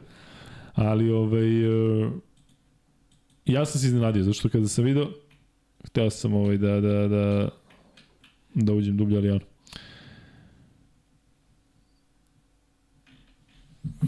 Nema niko da kaže ko je to. Je. Nema? Ljudi, to je Duško Ivanović. Kada su njih dvojica sarađivali u Baskoni. I to je bilo... Um, Stvarno? Da. Ali ne mogu da ti objasnim kako se zaletao na njega. Dakle, Tomašević sada uzeo loptu 6 sekundi u kraju, on uzeo loptu i dribla, dribla, dribla i na, na trojku. I ova ide na, na njega, ne možeš da veruješ šta je to bilo. Trči i krade loptu. Da, to je bilo, kažem, pre nekih 20 godina. A, onda jeste 20. Da, ja sam Da. kada je on igra u Zvezdi, da. Ne, ne, ne, ne, ne, to je bilo kada je... Kada je Gde ste stali? kada je se tada zvala Tau Keramika. E, stali smo kod Pantera, 12 poena, 2 skoka, 1 asistencija, 32 minuta, 3 od 4 za 2, 1 od 4 za 3, 3 od 3 sa penala, e, 4 izgubljene, Mislim da je bio dobro čuvan. Zaista mislim da za to vreme je tražio pozicije, ali nije dobio pozicije za šut. I ono što je dao nešto bilo jako teško uz faul, ali ovaj, mislim da, da, da nije imao dovoljno prostora. I Lazić je bio neko ko je tu, pa posle se menjali i drugi igrači, ali mislim da su odradili dobar posao. Dakle, Panter je u onom momentu kad je uzao onu trojku pred kraj, kad je videlo se sad i njegova neka rešenost, mislim da je bilo kasno, ali ga zaista jedno vreme nije bilo u dobrim pozicijama za šut. E, ako, ako možeš da vratiš film tog drugog poluvremena, u 90% slučaja kad je Exum na parketu, on ode, na, napadne, ovaj, napadne Kampaca i dešavalo se da je Naneli na toj strani. I da je Ledej na sredini. I da je u tom trenutku kada to već traje 15-17 sekundi jako teško da se prenese lopta do Pantera, nije se ni prenosila tako da je on uzimao jako malo šuteva u drugom poluvremenu, a mislim da je mislim da je bio voljan i željan i mislim da bi da bi imao dobar procenat, tako mi je delovao što se tiče nekog fokusa u, u samoj igri. Da, evo samo da, da kažem, e, ljudi će možda da se setiti, dakle, tada je Tau Keramika, kada se vratimo novo igrala protiv Partizana, tada su klupe, sećaš se Kuzma, kada su klupe bile pomerene preko puta, sa ove strane. Znam, sa druge strane, da. Jel, ali to je bilo možda jedna ili dve sezone. Tako, tako? nešto, da. Jel, pošto je neko objašnjenje zašto? Ne. Da. To je sa te strane bio i Jaca Petrović kada je imao onaj duel sa Harisom Jeste, Brčićem. jeste. Neko vreme je bilo, onda se... Jeste. E, jesi spreman? Sledeći igrač o kojem Da, ćemo da, pričati. da, o kojoj ćemo pričati. Znaš šta mi je bilo žao? Bilo mi je žao kada sam vidio petorku Partizana na kraju, kada ljudi govore o strancima u Partizanu, stvarno nemam nikakav problem, ne daj Bože, nemam problem sa igračima poput Ledeja, protiv, poput Egzuma, dakle, pričao ovdje Marko Vlahović kako je Egzum kada daje intervjue za sport klub, odnosno kada daje one izjave pre početka, odnosno pred meč, dan pred meč, ili posle meča kako se uvek posveti, kako priča sa novinarima, kako vidiš da je, da je dečko car. Ali razmišljam baš o tome, petorka Partizana na kraju, Panter, Naneli, Ledej, Lesor i Exum, da li stvarno iko zna ko je bio Radio Korać? Da li, Kako se oni, da li se oni bore, da li se taj Lesor bori drugačije nego što se bori na predsedničkom kupu u Francuskoj, oni tamo imaju neki prezident, prezident cup, pa ovaj cup, pa ne znam šta. Uh, zato što je stvarno šteta, zato što je ovo, ovo da li uopšte znaju da je ranije jedno evropsko takmičenje, drugo po, po veličini, po jačini e, nosilo ime po, po Radivoj Koriću. Taj čovjek je poginuo mnogo ranije, ne, pre nego što su svi oni rodili, pre nego što smo se svi rodili. Ali mora da se pokaže neki respekt i zato kažem onakva reakcija Lesora e, i neka neozbiljnost, pa mogu reći i Pantera je nešto što je mene onako prilično, prilično zasmetalo. E, isto mi je jako žao zbog toga, evo Dante Exum 8 poena, 2 skoka, 3 asistencije, ja sam očekivao, očekivao baš više od Antona, da, više njegovih da, prodora. I krenuo je tako utakmicu Jest. sa mnogo, ali tri faula su ga potpuno izbacila. Jeste, jesu. I, ali vidio si kad krene da, da zida protiv Kampaca, kako Kampaco je jak, ali kako cela odbrana se Zvezdina baš skupi kako je potpuno Jest. očekivano. Dakle, znaš da moraš da štitiš Kampaca, kao što znaš da moraš da Lekavićiju sa štitiš kada se igra protiv Tako je, njega. Dakle, tako je. jednostavno, čudno je kako se Zvezda tako brzo Adaptirali su se dosta da. dobro u drugom poluvremenu. U prvom ne, ali u drugom jesu i to je ono što je donelo tu neku prevagu, jer onda je dugo trajao napad, bez ikakvog osvajanja prostora. Dakle, oni ne promene malo mesta, Exum pokuša, jedan, drugi, onda bilo neki konkretno dobrih faulova u tim momentima kada šalju Exuma i ono što se desilo na kraju, Exum koji nije šutirao trojke, ostao je sam na šutu. To je bio neki rizik sa kojim su morali da se nose igrači Zvezde. Tako da je koliko je loše Zvezdino šutersko prvo polovreme, toliko je Partizanovo drugo bilo o, podjednako loše što se što se šuta sa distance tiče. Laufer, car kaže, Luka, pitao sam predsednika Hexbo basketa zašto utakmice u Švedskoj počinju u 19.04, ali nema pojma ni on. Ja ne znam zašto igraju u 19.04. Odlično. Um, razočaran sam ja e, igrom domaćih igrača, dakle Avramović 3 poena, 2 skoka, 4 asistencije, od njega sam možda i najviše očekivao. E, Jeste, o, pogodio derbi jesu trojku. njegovi neki Od momenti. Trife sam očekivao isto više, duše on je igrao mnogo, Smajlagić je potpuno izgoreo, Andjušić, videli ste kako mu ispala lopta i on verovatno u prevelikoj želji ništa ovaj, nije uradio, tako da e, niko od njih nije imao ne znam kakvu minutažu, Avramović 19 minuta, Andjušić 14, Trifunović 10, Smajlagić 9, ali eto, uglavnom kada su bili na terenu onako e, Dosta konfuzije i ne mnogo toga proizvedenog dobrog. Ali da pohvalimo Avramovića da je e, zaista na momente onako recimo onaj pas za Ledeja. Dakle, u onom periodu kada je Partizan gradio prednost, Avramović je bio dobar, dobar, dobar lider na terenu. E, što se tiče, tiče Andjušića, dakle, nažalost, delo mi da, da on u velikoj meri zavisi od tog svog prvog šuta, da li će to uđe ili neće. Onda drugi, ako promaši, tu je već potpuno nesiguran i onda nema tu još mnogo opcija za njega i lako se zatvori. Što se tiče Trifunovića, e, defanzivno e, Dobro, za tih 10 minuta stvarno nije bilo prostora za, za nešto više, ali e, da sam ja očekivao da će možda neko od njih da danas bude glavni, jesam. da, jeste, ali da neko izbaci, da neko izađe, Tako. da neko... Jeste, to, to donosi derbi, naročito u kupu. Sad će se Avramović kako eksplodirao Da, da, ono da, derbi da, prošle da, da, godine da. i sad možda ne Avramović, ali Da, eto, ali recimo neko, taj da. Andjušić, znaš, ali, ali je dobro. Ali evo Damjan piše nešto, ovaj, ima, ima, ima poentu. Stvarno je bilo čudno videti Lazarevića na pa- Panteru. Znaš, nekako, nekako smo navikli da ga vidimo i na Exumu, i na, i na Ledeju, i na tim gabaritnim igračima. Ovako, malo je on visio, pa je bio onaj jedan moment kad je zakasnio, pa pao, pa srećom napravio faul.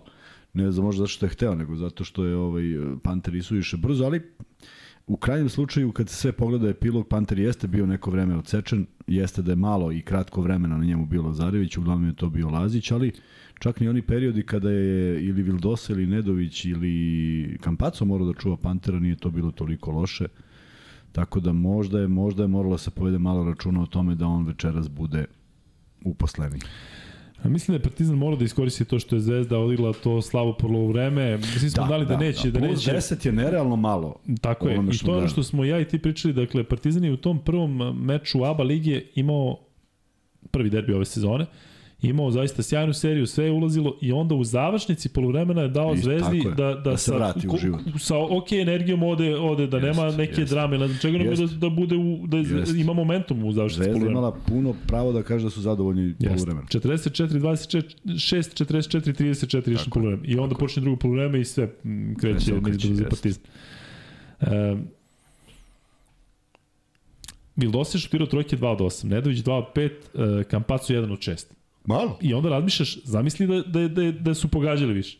Kako bi onda Da, a bili su dosta dobri šutevi. Nije to baš bilo sve Jeste. da je neko bacao Tako preko ruke. Da. Tako da jeste. A međutim i Partizan imao svoje i tu negde trema učini, ali oni, oni konkretni momenti kada, kada Vildosa pravi prodor, kada Nedović pravi prodor, kada Kampaco daje neke poene iz, ili asistencije iz prodora, to je, to je ta neka snaga koju Zvezda mora da eksploatiše.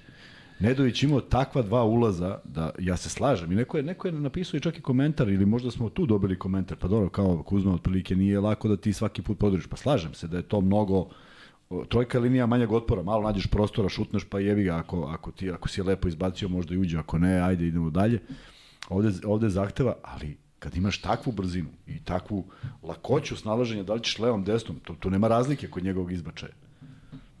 Da. Što ne eksploatisati još to. Tako da je opet danas bio dovoljno dobro. Rekao si mi 3, 3 od 3, to su sve tri prodora, nisu to bile nikakvi Jeste. A vidio šuteri. si Bron kad se, kad se odrazi kod Jordan, ono, ali mislim da čak ne teži tome da to izgleda lepo u vazduh, nego jednostavno on je toliko dugo Tako gore je, tako da je, on da ima da vremena da noge raši, da položi, da ovo više Tako, bolje ćuti. tako. Ne, čoveče. Ovaj, ne, e, ultra, samo ne ultra.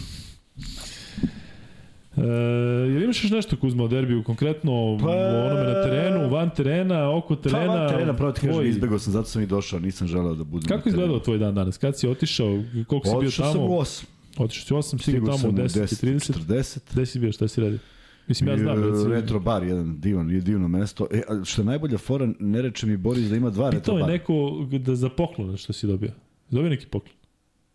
Da, dobio sam dve rakije. Pa rekao sam E, ti da, rakije. da, neko je ovde pitao, pita i kao Kuzmu da li, je, da li ti je rekao za poklon. Poklon i dobili smo Da, da. jednu, jednu 100 godina staru i jednu 120 godina A stvarno, staru. to je stvarno što si rekao? Koje? Stvarno da rak je stara 100 godina? Ne, napisam 100 miliona. Ne, ne, ali stvarno Ne, stara. nije. ne, Ja znam, mislim, da bi bilo dobro da je 100 To godina. bilo bi divno, da, A? ali nije. Ali su dobre domaće, naravno. Jesi probao neki, pričao si mi da si probao neki viski koji je star zilijan godina. Nisu. Ja ti pričam. Šta si neki konjak, nešto, nešto si mi pričao. Nešto. Nisam, ni ništa ja to zilion, ne znam. To. Ma nešto je bilo, Rakiju kažeš neki 12. osjećaj i nešto stvarno osjetiš da je ne znam šta. Jameson, vrati se Jameson. Moguće, ne, ne mogu se. Pijem ja svašta. da, da, ko zna šta sam ti se pričao. ovaj, e, I onda smo seli i mnogo je lepo. I ispostavi se fora da, da je dvoje, troje ljudi, pa i naš drug Miloš iz Valjeva. Sećaš onaj što, što, što je bio u štabu? Pa smo zajedno gledali jednu utakmicu u Max Betu i ispostavilo Da, da, se da. da, da sam mu rekao dođi u retro bar i čovjek kaže, ali ja stvarno tebe ne vidim. I Hm. pitam Borisa, on ima još jedan retro bar u gradu. I ja, i, i tako da su dvojica, trojica otišli tamo. Ali o, u suštini bio lep dan, otišli smo u jednu kafanu kod Brke, negde tamo prema Niškoj banji, koja je posebna iz hiljadu razloga, naravno dobro klopali, jer mislim da u Stara Nišu 100 stvarno... godina da, korakija. stara 107 godina. I, ovaj, I mislim da u Nišu ima stvarno dobrih mesta, jer sad kad vratim film, stvarno sam obišao dosta tu kafana u, u Nišu i stvarno je mm, ukusno. E, i onda sam završio u tri fenjera, to su divni ljudi koji su nas pozvali da dođemo ponovo i da tamo probamo specialitete, jer kaže Čuj da, da se... dođemo ponovo. Ko što smo danas išli. Da, pa i ti kad ne možeš, ti samo javi, ja ću dobiti. Da, ja moram da se izvinim zaista zato što sam danas imao uh, ozbiljno radni dan na sport klubu uh, i prethodni dan je bilo tako, dakle dva tenisa, jedna košaka. Znate kako je sa tenisom, možda traje sat i po, možda traje tri i po sata, danas je ovaj jedan meč trajao baš dugo. A i ta utakmica Australijske lige je prilila prilično duga i mučna. E, tako da, eto, bio sam ceo dan u kabini, ali Kuzma se javljao od ozdo i bit će prilike da da idemo zajedno. Kuzma, uh, završili smo priču o derbiju, ali hajde sada da pričamo o tome šta čeka jedni i drugi posle derbija. Dakle, ide ova pauza Čekaj, oko fibnih imamo, prostora. dobro, prvo imamo, prvo imamo finale kupa i da spomenemo bre ko je Da, da, drugi. ne, to sam mislio za kraj. To A, sam mislio to da za preskočimo. kraj, zato što Dobro, ovaj, e, da se vratimo na kup, e, pošto to, ovaj, sad pričamo Partizanu i Zvezdi. Šta, Dobro, da, šta misliš da ne kako pričamo hoćeš, kako Zvezda si Mega pa da imaš, ti imaš koncept. Neko nas je ovde, da, stari, stari dobri koncept. E, neko nas je ovde pitao, e, mislim da je momak koji je donirao, e, kako će ovo sad uticati na Partizan? I koje, koje je, e, koji je način da se Partizan iz ovog izdigne što pre, zato što mora da se izdigne, jer kreću najbitnije meče, najbitnije utakmice u, Euro, u Euroligi. Pa vidi, prvo, prvo mislim da je izostao, i ne treba da bude možda i javan, taj neki komentar Željka Obradović, ali očigledno da upravo si sa tim nekim stvarima koje se dešavaju da, da, da one mogu da budu otežavajuća okolnost. Dakle, mora se obavi taj jedan razgovor i da on, opet kao i što zna, ulije poverenje svojim igračima da je ovo jedan od trofeja, nije se prošlo, idemo dalje i e, čekaju, čekaju utakmice koje su, ne mogu kažem da li važnije ili nevažnije, znaš. Ti kako se završi ovo, ovo polufinale ili finale, onda svi konstatuju da kupi nije bitan. da. Jednima je bitan, drugima nije. Ne mislim da nije bio bitan, video, video se taj naboj ovaj, na ovoj utakmici, ali, ovaj, ali prosto jedan mora da pobedi i sad treba izvući najbolje što možeš. Dolazi, vrlo brzo dolazi ta utakmica koja je nastavak jedne dobre serije.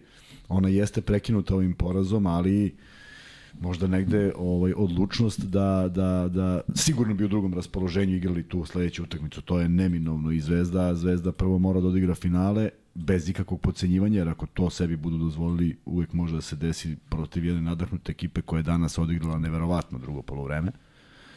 Prema tome, ne mogu da kažem da se to dešava baš svaki dan, ali oni sad nemaju šta da izgubi, mogu samo da dobiju u jednoj utakmici godine što se tiče Mege. Možda će imati još neku utakmicu godine ako prođu u play-off pa se sretnu sa onome, na onom mestu na kojem sad nalaze na Partizan ili na Zvezdu. Ali ovo je jedna od bitnijih utakmica jer zaista mogu da dođu do trofeja i mislim da su oni to mukotrpno radili i vidio sam pozitivnu reakciju, pozitivnu reakciju, naravno da je pozitivna, vidio sam jednu dobru reakciju trenera koji konstatuje da eto, obećao da može do finala i onda je sve otvoreno i stvarno treba Zvezda da razmišlja o tome da to jeste otvoreno bez obzira što je na papiru i na ne papiru i uživo i svakako savladan ipak protivnik koji je slovio za glavnog konkurenta.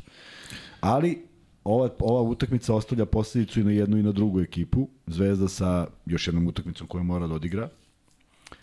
Uh,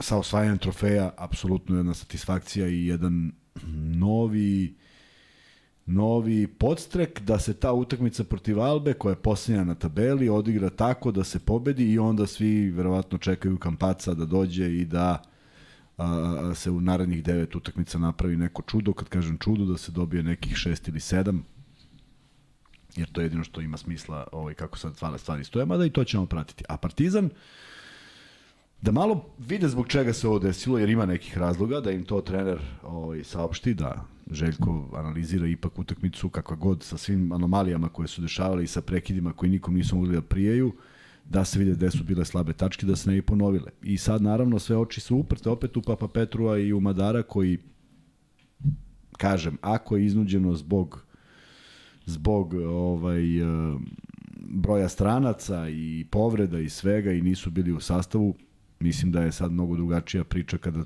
nailazi Fener da ipak će njih dvojica biti na raspolaganju.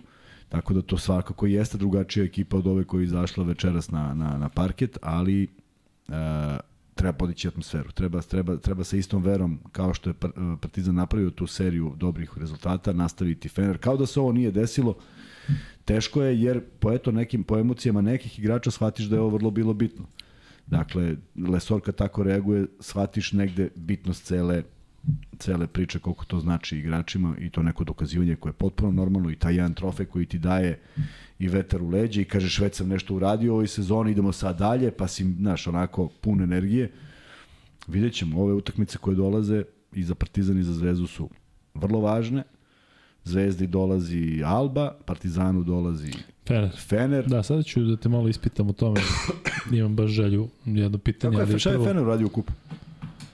Ne, ne igra oni tamo Kuzmić, kako crno Ne igra ništa, da, ne igra ništa, da, tačno sve stvari. E, Ranko, da ti odgovorim, Luko, u kom gradu ste bili u Americi? E, studirao sam u Mobilu u Alabami, na granici Alabama i Floride, zatim smo živjeli u Woodlandsu, koji se nalazi severno od Houstona, ali je u, u sklopu Houstona, u Teksasu, i sad poslednji put u Las Vegasu, to je Summerlin, tamo je moja žena radila i predivno mesto, taj Summerlin, dakle potpuno drugačiji u odnosu na sve što mislite kada, kada pomislite Vegas, mislite na strip, na ludilo, na sve i svašta, ali ovo je tako jedan miran deo.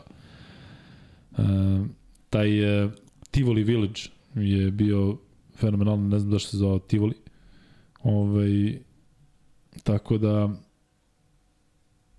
Mm, da, to je, to je to, ali bilo je još neko jako interesantno pitanje koje ću probati da nađem.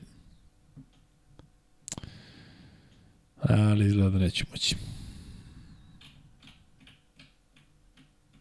Kazi nešto, Kuzma. Ja gledam nešto što mi je poslao ovaj čovjek. Šta kažeš? Ne usetim šta. Hoćeš da povod, pozoveš ljude, da, i luka i kuzma.rs. Da, ima ovaj, svašta. opet da se zahvalimo i danas smo ovaj, raznosili paketiće. Da, momak koji je kod mene u kraju je fenomenalan. Dakle, baš mi je drago što, što smo bacili i onaj jedan poklon. Dakle, momak za koga si mi ti napisao da je Andrija, a u stvari on Dul. Ili je tako je nekako, ne, pisalo je na poru, porudbenici jedno ime, a ispostavilo se da je drugi. Nisam uopšte slao, slao ti je velj. Da, ovaj, slao si mi ti nešto. To jest ja sam tebi napisao da mi pošliš, pa ne znam šta. Ovo. Ali Kuzma, vratio bih se na na Partizan. Kome li si ti odneo to? Da, ne, momak prva liga. Zato se momak, se čudio malo? momak Kako ste me našli? liga. Kako ste baš da, mene da, našli? Da, ali kada ti živi, da ne možeš da živi koliko blizu mene.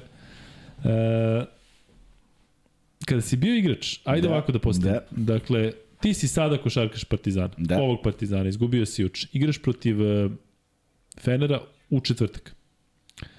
Šta je tebi lično potrebno, šta je ekipi? Da li bi priželjkivao dan odmora, da se sve e, da se sve smiri, ili odmah sutra idemo, zaboravljam na ovo i odmah radimo scouting Fenerbahča, kako sada to izgleda iz ugla jednog igrača? Da li mu je potrebno ipak da, da malo bude sa porodicom ili sa devojkom ili s kim god, da možda ode jedan dan pauze, dva dana pauze, verovatno ne sigurno, ali šta se dešava sad? I u tim nekim momentima, a imao sam stvarno srećnu okolnost da u većini slučajeva ovaj, se to nije dešavalo. Mislim, zaista sam privilegovan da sam igrao u ekipama koje su ipak više pobeđivale nego gubile, ali stvarno dođe moment kada si potpuno onako prazan. Ja lično sam voleo onda da malo dođem na sledeći trening i da nekako podignemo tu atmosferu. Počnemo nešto... Odmah sutra ujutru. Pa da, ne, ne, ne, taj, taj dan pauze ne znači ti mnogo. Mislim, da odmoriš ti nešto, prvo, polazimo od toga da svako mora bude dovoljno samokritičan i kaže šta je uradio. Ne znam koliko se to dešava u savremenoj košarci, ne znam, i to zavisi od kapaciteta svakog pojedinačno, ali to su vrlo bitne neke stvari. Da si ti, da si ti svestan da li si pružio sve. Ja mislim da ja mislim da ovde možda četiri igrača Partizana mogu da kažu da su uradili apsolutno sve. Ne više. U Zvezdi je taj broj malo veći. E, onda odatle polazi. I onda kada kreneš u taj trening, kreneš otvoreno. Izađe se, stvarno smo pričali često i prihvate se neke stvari. Koliko god one teške bile, da neko kaže, e, jeste, ja sam trebalo je ovako ili trebalo onako, jednostavno moraš neke stvari da iščistiš ako je to moguće, a to zavisi od nekog njihovog nivoa profesionalizma i posvećenosti i prosto mislim da se to najbolje izbijalo treningu gde se onda stvarno dođe do neke onako, znaš, na ivici si onog igranja i sve na, na varnici, ali se polako onda smiruješ jer si izbacio neki sav. Ali lagan trening ili kako? Ne, ne, baš, Baš da- da... da, prvi trening, da, i onda, i onda odigramo odmah. Kažem, jako redko se dešavalo. Mi kad smo ispali to iz kupa od zdravlja u Čačku, mi smo sutradan išli na neki put, tako da nije baš bilo nešto prostora da, eto, odmaro si, ako tako može se kaže, u putu. A ovo što smo gubili u završnicama sezona, onda poslije nije bilo košarke, tako da nisi ni tu nešto mnogo patio kad izgubiš posljednju utakmicu jer znaš da je kraj. Tako da, a, nije lako, a opet polazi od svakog pona osob i, i, i ja vrlo je moguće da će Partizan imati sutra dan odmora jer je faktički nedelja i zamislili su da ovo traje duže od predviđenog i oni su zamislili da će igrati sutra, tako da će su u Partizanu sutra sigurno biti dan odmora, ali ponedjeljak je već nešto što, što, što mora da, da ih uvode polako u neki oporavak. Bate Zimujić vjerojatno preuzima stvari u svoje ruke, jer sad postoji određeni period do te utakmice do kad treba da se urade neke silne stvari. Uh, vidjet ćemo odluku Partizana posle kupa, ne zato što je on uslovljen kupom, nego vidjet ćemo, znam da niko nije hteo pričati o tome pre kupa, koga će dati za reprezentaciju. Čuli smo predsednika Partizana da je rekao da, je, da su utakmice odvojene, da Partizan igra 23. je tako? Da je Da. Velika Britanija 25 a da je Grčka pre toga, da pada možda na isti dan i sad pitanje je stvarno ko će igrati i Zvezda i iz Partizana, jer jednima i drugima ta utakmica 23. i 24. je život. Prema tome, nekako mi deluje da 25. može da se desi da odigra većina njih, ali 23. četvrti mi sa ove distance ne izgleda baš realno, a opet i jedni i drugi su pokazali tu neku privrženost da kada se traže igrači, najviše čak i Partizan. E sad tu ljudi malo hoće da, da odu onako, znaš, svako iskoristi to nešto za, za, za onako u svom nekom Jeste Partizan dao jer igrao Evrokup prošle godine i zato je bilo lakše da daju igrače i zato se nikad nije ni postavljalo pitanje a ove godine mora se postavi pitanje jer ako me neko pita da li, da li ja kao interes košarke vidim da Srbija u što jačem sastavu igra protiv Grčke ili da Partizan pobedi a, Fener, biram da Partizan pobedi Fener. Više biram to nego da, da budemo u sastavu protiv Grka koje si pročitao, koje ne znaš koji su igrači, a pritom treba jedna pobeda iz dve utakmice. Dakle, ajde sad da se ne, ne pravi više nego ono što je potrebno, a mislim da će Srbija imati dovoljno respektabilan sastav i bez igrača iz Zvezde i Partizana u tim važnim utakmicama. A 25. neka se svi provesele, nek bude najjači, neka da. se okupe i neka neka savladaju Britaniju i proslavimo plasman ako ne proslavimo utakmicu ranije. A Kuzma, šta možemo da očekujemo od Fenera u ovoj zaista bizarnoj i specifičnoj situaciji? Mi ne znamo da šta se dešava tamo, mi ne znamo šta se ali dešava znamo da će tamo. se igrati taj meč. Dakle, Ne znamo da se igra meč, ali ne znamo šta oni rade. A pretpostavljam da treniraju najnormalnije, zato što oni verovatno učestvuju u nekim humanitarnim akcijama i ne znam šta bi, šta bi mogli sada da rade. Nemam u, u Istanbulu ovo je bliže Istanbul nama nego, nego Sve stoji, ovaj, ali, ovo ali sigurno koje, postoji koje je neki taj, da, ali sigurno postoji taj neki osjećaj nelagode i svega i Sigurno, sigurno, ali opet i, utiče, i, mediji su tu sigurno prisutni i ali Fenerbahče je pun stranaca, pitanje je koliko oni mogu da se poistovete s Oni, tim da će... da, oni ne, zato kažem, pitanje je koliko se radi. Verovatno su trenirali što češće mogu i tu su iskoristili možda čak i za konsolidaciju neku, koliko god je to glupo sad zvučalo, ali oni stvarno nisu imali nekih obaveza, mogli su da nekako malo se više posvete sami sebi, a nedostaje im mnogo toga. Tako da i ne znamo trenutno, stanju, trenutno stanje Fenera, što ne znači da Partizan ne bi trebalo da nastupi sa istom onom energijom i, i onako prepoznatljivo sa istim ovim pristupom igri, sa pojačani sa dva igrača koji nisu bili u sastavu i da odigraju nešto što je danas trajalo 18 minuta. Da ga Da. produže, moraju da ga produže jer samo, samo tako može da se dođe do pobede nad Fenerom. Um, Ajde sada stvarno da se vratimo na Kup i na Megu i na FNP, zato što Ajde, smo stvarno. završili sa, sa Partizanom. Zaista je jedna čudna utakmica Jest. gde je Mega neverovatno uspela da preokrene. Jest. Uh, FNP u posljednje vreme zaista imate onako ozbiljne padove u igri. Uh, Pa ipak I je otišao igrač koji je, koji je Pričali smo činio, da, juče, da. juče smo pričali o tome i nismo rekli da je bilo iznenađenje ako Mega pobedi, toga se sećam, nije baš bilo toliko davno. si siguran? Pa ajde vrati, premotaj. Hoću, sad ću. Ovaj, na, na, 3, na, na, na 2.59 tamo premotaj. ovaj, uh, ne bi bilo iznenađenje kao što i nije bilo iznenađenje, pregazili su ih, uh, verovatno su se negde oni oslobodili i dobili neku sugestiju trenera ili već koga god da to može da se uradi i odigrali jedno izuzetno ovaj, dobro poluvreme, triumfovali na kraju dovoljnom razlikom, uh, plasirali su jedno finale kupa, gde, iskreno govoreći, ako pričamo o periodu od pre samo pet kola Jadranske lige, ne bi su mogli da ih vidimo u takvom nekom usponu, jer nije to ni na šta ličilo kao što izgleda sada, ali onda serija ozbiljno dobrih pobeda i jedan raspored koji im je išao na ruku, ali to ne umanjuje činjenicu da se ekipa dizala i sad pobeđena ekipa koja je do skora bila među prve tri, u stvari i dalje je među prve tri ekipe, prema tome e, problemi e, FNP-a na stranu, ali treba pobediti i takvu ekipu koja ipak ima uhoda neki ritam. Činjenica je da je otišao vrlo bitan šaf ekipe i da od tog momenta FNP ne igra onako lagano kao što je igrao.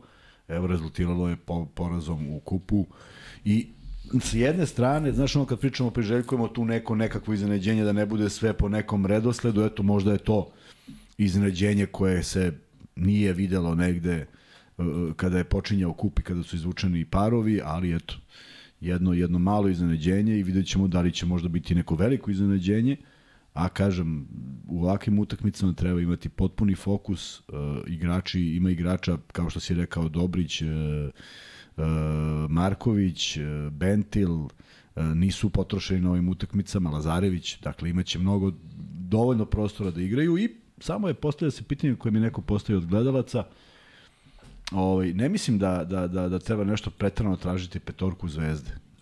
Sad idem jedna digresija da pričam o ove dve ekipe, ali sad sam se setio šta je pitao.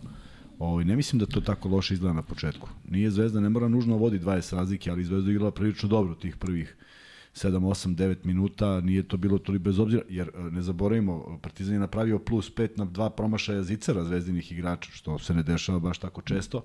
Tako da je to bilo polu, jedna četvrtina u egalu i ne mislim da uvek da postoji neki problem u biranju petorke. Ali za Megu treba pokazati respekt, bez obzira što su to klinci, bez obzira što to igrači, to su oni momci koji mogu da iznenade, koji žele da iznenade, koji žele da se zapiše ova sezona, da ne bude jedna sezona gde su oni ne znam koji na tabeli i ne znam šta u kupu. Već su napravili uspeh, pošto su u finalu kupa, a ne tako davno su napravili to iznenađenje, pa su i osvojili taj isti kup, prema tome eto neke draži u samom finalu i vidjet ćemo kako će Zvezda spremiti tu utakmicu s obzirom da su prebrodili možda, ne možda, nego sigurno najtežu prepreku, ali ne bih ništa prepustao slučaju, već da se odigra maksimalno ozbiljno i da se potvrdi osvajanje kupa. E, dobro, drugi free bet će biti u vezi ovog meča. E, ovog drugog polufinala, ajde odmah da ga ispucamo. Dakle, drugi free bet je ko je bio najefikasniji na meču u Mega FMP. Dakle, momak je zaista pokidao 20 poena, 4 trojke, igrao je manje od 20 minuta, svaka čast, mislim da momak ima 19, ima, ne ima 20 godina sigurno, i minimum 20 godina. Ali kako se zove najbolji strelac e, ovog prvog polufinala? E, I ko prvi odgovori dobit će e, drugi free bet u iznosu od 1000 dinara i već dobijemo odgovor. Dragan Savić je napisao Kovačević, jeste Petar Kovačević je pokidao, Dragane šalješ na lukajkuzma.gmail.com, maxbet.id. Aleksandar Istić e, kaže sledeće godine se selimo u Samalin, obavezno dođite, pa kad Kuzma odvedemo na strip da naplaćujemo fotke, sledećem prvi trofej svima koji slave. E, Sale, I juče sam video da si pisao da putuješ ka Vegasu, ali mislio sam da ideš tamo u neko zezanje. Dakle, moj ti je savjet, dakle, u Samerlinu da, da ideš bliže Red Rocku, da god da si u Samerlinu jako lepo i sve zgodno, ali e, bliže tom delu, dakle, tom kompleksu, odnosno tom hotelu.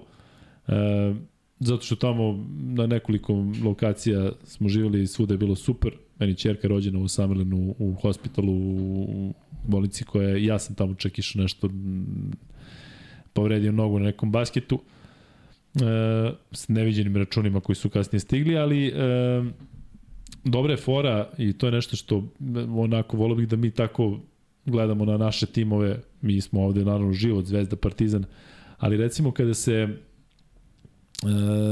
kada se rode bebe u Vegasu, prvo ih u buku, odnosno prvo ona benkica je Vegas Golden Knights. Dakle, oni su tamo baš posjećeni Vegasu, sada su sada naravno stigla i NFL ekipa uh, Tako da je, da je malo drugačije, ali Golden Knights su tamo baš uh, popularni, penzioneri nose jakne, na registracijama imaju, a pritom Vegasa hokeški tim. Tako da, eto, uh, baš ti želim da, da lepo uživaš u Samerlinu. Vidim da je neko napisao ovde, kaže Luka će uskoro moći teniski podcast. Eto, za vas koji ste dokoni i hoćete da slušate svakakve stvari, uh, možete da ogledate Vision Go broj 78. Kada sam ja prvi put došao u ovaj studio, uh, i seo ovde i bio kod njih, e, pričali malo o tenisu, više o nekim drugim stvarima i tada e, sam shvatio da, da je mnogo lepo sedeti u ovakvoj jednoj stolici. I, Tad ti se rodila ideja podcastu? Nije, rodila se ranije, ovaj, ali, ali sam shvatio da je, da je dobro priča. E, tako da, eto, uh, Vision Go broj 78. Ko, ko odmah, me nije, ko, ko me nije dovoljno sada. da sluša sada, da. E, Ili imaš još nešto, Kuzma, o finalu? Dakle, ne, o finalu kolika, kolika je šansa realno Mege zaista... Nema tu realno, i to je jedna utakmica, postoji, postoji, imaju svoju šansu, ne mogu se izrazim u procentima, ali... Ba baš u procentima, 20. 29,48. Uje, 29? Pa da. kao uje. Treba, kao, e, ja, ja i za Partizan i za Zvezdu smatram da mnogo toga zavisi od samih njih to je jedan viši nivo takmičenja, čak i u Euroligi zavisi od toga kako će oni odigrati čast, čast ekipama koji uspeju da ih pobede, ali svedoci smo da su i pobeđivali sami sebe u nekim utakmicama i mislim da je od toga negde zavisi njihova energija, kako oni sami otvore i koliko poštuju neke stvari koje su dogovorili.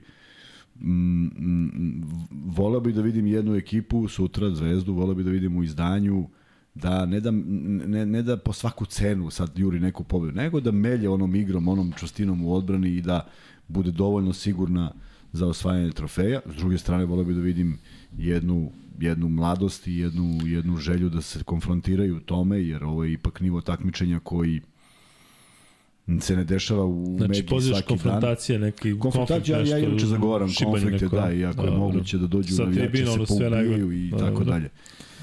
Sve, u svi u što većem broju i, ovaj, i nadam se da ćemo gledati, volio bi da gledamo dobru košarku. Volio bi da vidimo nešto dobro, da ne bude to neka rutinska utakmica, a nekako... Sećaš možda mislim- prvog meča za ove sezone Zvezda Mega?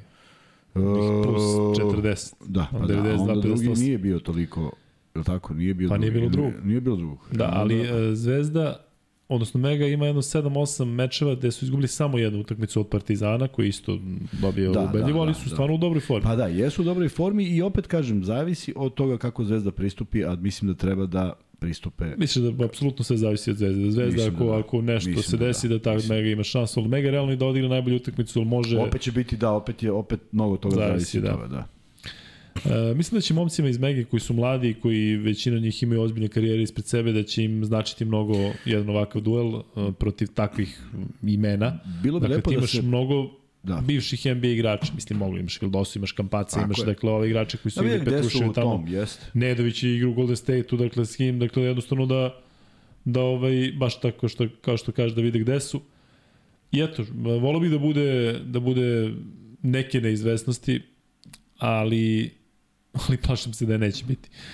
E, Da, ali ajde da vidimo, ajde da verujemo da ćemo gledati dobru, ovaj, da je dobar, da, da, da gledamo dobru utakmicu, to je bilo dobro. hvala Boriša, da li pratim Las Vegas Aces u WNBA-u? Pa vidio sam da je Candy sada potpisala za njih. Misliš čuo Kuzma da je Candy Sparky Da, prošla da, u Las da, Vegas da, to je Aces? baš interesantno. Ali Brono je čestitao kada je ona njemu nešto pričala ono veče kada je prebacio Džabara, on joj je rekao kao svaka čast, prašla si tamo. A znaš ko je vodio uh, Vegas? Bill Lambier, onaj što bije iz Detroita. Drvosečak, genijalac, Da, da, kakva da. fizionomija čoveče. I igrala je tu Aja Wilson, igrali dalje i sa, zaista su prošle fantastične košakašice kroz, kroz tu ekipu. Igraju u T-Mobile centru koji je uh, onako i domaćin Da li igraju u T-Mobile centru? Igrale su jedno Da, vreme. to je sad vrlo važno, čekaj da imamo. A Da, kako da bre li nije važno? Pa to je samo važno. A ti to, ili imaš sad stvarno ili si gledao nas sad kao radi fore da Gledao sam koliko je sati Znaš šta radimo? Mi sada produžavamo veštački podcast da bi trajali minimum 2 sata. Zašto ne pamtim da je podcast e, Mislim, jedan moramo trajao- da, sat. 1 sat i 40 Ajde onda minuta. pričamo o Andreju Stojkoviću. E, ne, sad bez zezanja imamo još 17 bez minuta gde moramo da stavimo još jedan free bet, da pomenemo NBA ligu i da pričamo o, o Andriji Stojakoviću. Izvoli. Da ljudima koji ne znaju, uh, ljudima koji ne znaju, dakle, uh, odlučio je da igra za grčku reprezentaciju, ili tako? Jest. I šta imaš da kažeš za to? Pa to, to je to. Da. Očekivano. Sad treba podružimo još 17 minuta. Da. Uh, vidi ovako. Prvo, to što je Peđa Stojković bio reprezentativac Srbije i, i, i Jugoslavije, Crne Gore i kako li smo se zvali u tom periodu, ja ne znam u kakvom je on maniru vaspitavan. Ali mi ne deluje da je vaspitavan kao mali Srbin. Iz prostog razloga što ovaj izbor pokazuje nešto Ali ima i drugačije. neka priča da on novi jezik uopšte ne govori Pa da zato mu je kažem, treći. kako je, pa to, to kažem, kako je vaspitavan. Ako ga nije koristio, ako nema nikakav osjećaj prema Srbiji, ako, ako je on Amerikanac koji vuče po, poreklo iz Grčke, onda je to potpuno druga priča, a negde u nekim familijama je to tako. Onda ne vidim kako bi on uopšte ovaj, imao neki osjećaj pripadnosti. Bez obzira šta neko iz Saveza, naravno svi napadaju Savez i ja nemam razloga da branim Savez u tim nekim segmentima, ali ne znam šta bi neko promenio sve da je otputovao tamo i da mu je pričao šta god hoćeš, ne znam kako bi... Ali ovaj, čuli smo Sašu Stefanovića koji je govorio da si mu ti onom akcijom i da ste mu vi sad promenili taj odnos. Jeste, jeste, ali Saša Stefanović je Srbin. Saša Stefanović nema druge krvi. Pa Saša dobro, ali neki Stefanović- momci koji, koji su bili na kampu su bili pola-pola. Jesu, jesu, Da. da. je, I tu možeš da nekoga privučeš i možda mu egzotično i da se vrati nekim korenima, ali ovo nije slučaj očigledno, pošto je ipak iz mešovitog braka i ja ne znam koje vreme e, familija Stojković provodi u Grčkoj koje je u Srbiji. Slabo sam ih nešto viđao ovde i čuo da su bili ovde, a u Grčkoj su možda provodili više, što je potpuno nekako logično. I ako zna jezik i ako mu je neko društvo i ako su u nekoj zajednici gde žive u, sa Grcima, to sve ima neku svoju težinu prema tome to što mi samo priželjkujemo nešto i čujemo da je neko nečiji sin i kao baš je super, u stvari nema mnogo nekih realnosti u, u realnom životu da, da se veže za to. Ja ću se vratiti na Luku Dončića koji da, da i dan danas proveva priča da niko iz Saveza ništa nije uradio. Nije tačno. Sale Đorđević je bio čovjek prvi koji je to hteo i Luka mu je rekao, ja Odmah sam, ma tako. da, bre, ma nema, nije bilo šanse, ali mu je rekao nešto što je stvarno realno. Moje svo društvo je u Sloveniji. Ja pričam slovenački, mama mi živi ovde. Viš taj uh, faktor mame je očigledno bitan, ali vidiš mog drugara danas sa kojim pričam o tome, koji kaže ovaj, pola, pola što nije izabrao odmah, što nije izabrao Srbiju, što nije izabrao Srbiju. Ja ga pitam, a ti da si, da treba da biraš, uh, koga bi izabrao u toj situaciji? Pa kaže, ja bih izabrao Srbiju, kaže uvijek, uvijek Srbiju. A ja ga pitam, a šta recimo da ti je, kao pa tata iz Srbije, pa zato. Ja rekao, a šta da ti je mama iz Srbije, a tata ti je iz Džibutija? Pa onda Džibuti. Pa ne, pa, pa kaže, pa znaš, on tu si malo, ali ne znamo, ne znamo to. Ne Ne, znam, znam, ne znamo ne, što kažeš, kako samo- su ovaj, vaspitani, kako su, Tako kakav je. odnos uopšte ima on prema Tako tome. je, da li je možda je. bio sad? Tako. Sigurno mu nije Peđa rekao, ej, igri za Grčku, može da igraš za Grčku. Ali jednostavno, verovatno je takva neka atmosfera gde, gde se podrazumeva da će to samo- biti prva opcija. Da, mi to samo pretpostavljamo. Tako. A, a prosto ovaj, e, očigledno da, da taj izbor ima, ima mnogo neku veću dubinu, jer ne verujem da je ovo sad bilo neko većanje. Znaš, kao šta ćemo, pa ono kao, e, ipak po teška srca. Ja mislim da dečko nema veze sa Srbijom. Moje mišljenje. Evo, Irena Evo, kaže da Irena ne. kaže ne, onda nema. Onda, znači, nemamo šta da nagađamo. Tako da, ovaj, e, e, izabrao je, da se razumemo, i on je i suviše mlad da bismo znali šta će on to da ispadne. Jesi stigao da ispratiš neke njegove highlights? Ne, ne, suviše mlad da bi ja to Ne, da vidiš šut na koš nisam, nisam. Posle ću ti ja. Nisam. Ali, na primjer, i Rebrača imao interesantnog sina. Ali samo interesantnog i bio dobar i bio divan momak i sve to, ali nije bio, nije bio na tom nivou nekog, nekog kvaliteta, tako da vidjet ćemo kako će se razvi- razvijati. U krajnjem slučaju to razvijat će se u Grčkoj. A, Je mnogo, mnogo zajebano čak, pitanje. čak ne idem ni u, čak ne idem, ako, ako, su, ako su se nekad neke odluke donosile na bazi toga, na primjer, na primjer imaš neke mešovite brakove gde on možda bude makedonac i srbin, na primjer. To mislim da sam ja. Ti, Ne, ti sigurno života. jesi to. No.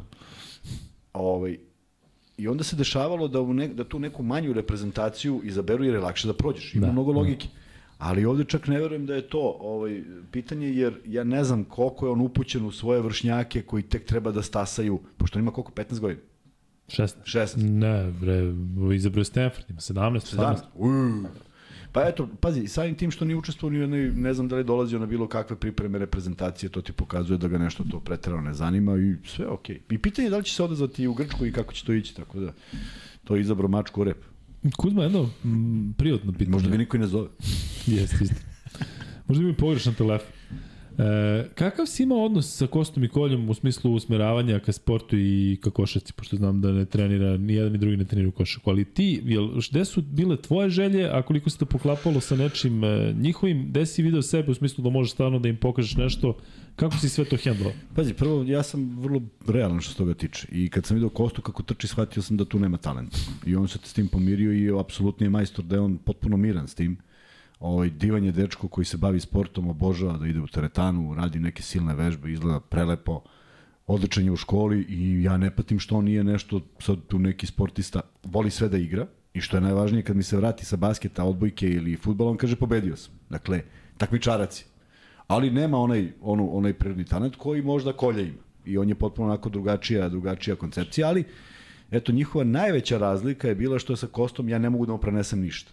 Prosto možda bi ti mogao i možda bi tebe saslušao, mene apsolutno ništa ne sluša. Dok je Kolja bio u momentu onog razvoja, kad mu daš košarkašku loptu i objasniš kako da šutne, on šutne kako, kako bi ti trener pokazao da šutiraš kako treba. Znači, iz nogica se on digne, namesti loptu na rame i to Vidiš sve da lepo je izgleda. prirodno, da je ono- Da, i vidiš da je prirodno. E, tako i ovo bilo. Znači, Kolja kad šutne loptu, ti vidiš da to ima smisla. Kosta je sve to naučio, ali nije prirodno. I ja nemam problem uopšte s tim, meni oni se razvijaju fenomenalno svako u svom pravcu, tako da nisam u fazonu da sam negde zamišljao, znaš, kao sedim i kao imam dva sina i razmišljam, joj, da li će biti košarkaši? Nije mi padalo na pamet. Pitan, pitanje je da li bi im dozvolio da budu košarkaši uopšte. A, jel e, igrate po Rakovici tamo na onom gladijatoru? Ne, sad je na Sinđeliću, ali nema ligi.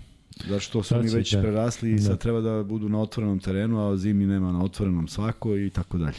Ko su trenira odbojku, igraju neke derbije protiv Partizana, Zvezde, provuku se 3-2, izgube pa kažu da je bilo super. On je neki srednji bloker, vidim da, da ga to interesuje, visok je, dobro skače, voli da, da se Ne igra takmiči. odliku na pesku.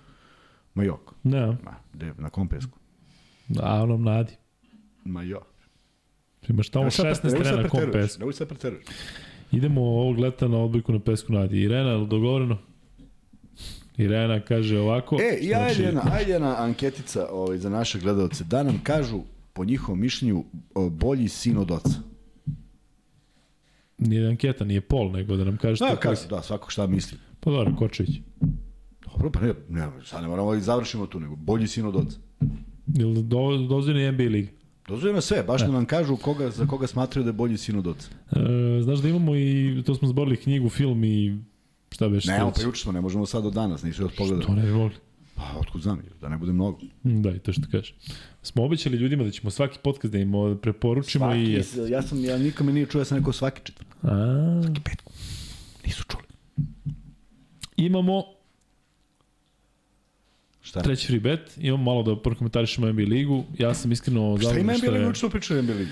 Da se desi nešto danas? Pričali bre, All Star ide. Dakle, evo šta, šta, evo šta prognoziram. Prognoziram da će Jokić na All Staru igrati nekih 15 minuta, neće igrati više, 15 do 18 i da će ostvariti triple-double učinak. Jesi čuo? Jesam. Dakle, u, posle jednog sata i 51 minuta, dakle, jo, Jokić će se tamo igrati sa njima i očekujem triple-double za neverovatno mali period.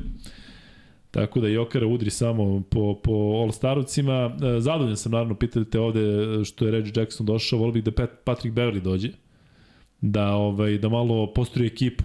To bih volao da imaju jednog takvog igrača koji, koji kida. Miloš Todosić imao jako lepo mišljenje o Patriku Beverlyu i ovo je o njemu iz onog perioda kada su zajedno igrali Olimpijakosu, pa mislim da, da, da je Beverly čak onako bio prilično bitan faktor što je, što je Todosić igrao u Clippersima, gde su ponovno bili saigrači. Volio bih da, pošto vidim da je bio buyout Orlanda, volio bih da Denver se još pojača. Sa ovo sa Reggiem Jacksonom je dosta dobro. E, Mari će biti prvak ove godine, ali u Šuntavilu. Dakle, to može da bude prvak tu. Ti si Clintone, Pa on će dati, on će biti u proseku 35 pojena, već imamo komu ide playoff. I tako ću e, da se veselo ošišam na nuladicu kada dođe ovaj vreme za, za pošto će Denver biti prvi i onda ću teškom mukom da ispratim. Zato što stvarno ima neko ko misli da da da Denver može da u play-offu dobije kompletan Golden State ili ovakav Phoenix ili eto da budu najbolji na zapadu pa da, da tamo sa Milwaukee i jakim Bostonom da se nose. Ne može Jokić to sam da iznese zato što će ga provocirati. Evo šta predviđam. Posle All-Stara kreću provokacije, kreću niski udarci na, zato što će već da uđe onako u završetu sezone, tako da samo da to Jokić sve izdrži i kada pogledaš ovog kampaca koliko je dominantan, kada ga vidiš na terenu, tako uzme. I onda pomisliš da on u NBA ligi nije mogao u da, se neverovatni neki parametri koji nama nisu jasni, a da ne može. Ali Milović je lepo ovde da- rekao, evo na ovom ekranu, pošto je gostovao preko Skype ili čega god, je rekao da ovaj da je NBA liga vrlo jednostavna, ako neko može da sudi, on je u smislu i tamo je bio, i ovde je bio, i tamo je sada, vodio je Megu, vodio je budućnost, igrao je Euroligu s Partizanom i on kaže, pa vrlo jednostavno, kaže, ovde su najbolji igrači na svetu i velika razlika među NBA ligi i Eurolige. I, I to se neko potvrđuje, kad ti pogledaš da jedan Micić ne može tamo da nađe angažman toliko je dominantan u Evropi, I kada pogledaš recimo da njihovi igrači koji dolaze su toliko dominantni ovde da tamo nisu igli, recimo ovaj mali Howard. U Denveru istom tom nije imao, nije imao mesta, a ovde u Evropi sa Howard, Howard, Howard. Pa ne znam šta ti kažem, ja se i dalje držim one devize, to su dva različita sporta, ali sve slabije ovaj, mi to prolazi. Da, to je istina. Treći free bet je neko šarkaški i reće ga Vladimir Kuzmanović Ne, ne iz Niša. bet. Setio sam se još jedne vrlo bitne stvari. E, nismo, spomenuli smo a, Stojkovićev klinc, to jest Andreja Stojković. Ali, ajmo da vratimo film Stojkovićevo detinstvo. Rat, dolazi iz Krina, iz Krajine, odakle god, Slavonije, ne znam odakle je došao. Slavno, mislim. Dolazi, tu se zabada jednu, dve godine i odlazi gde?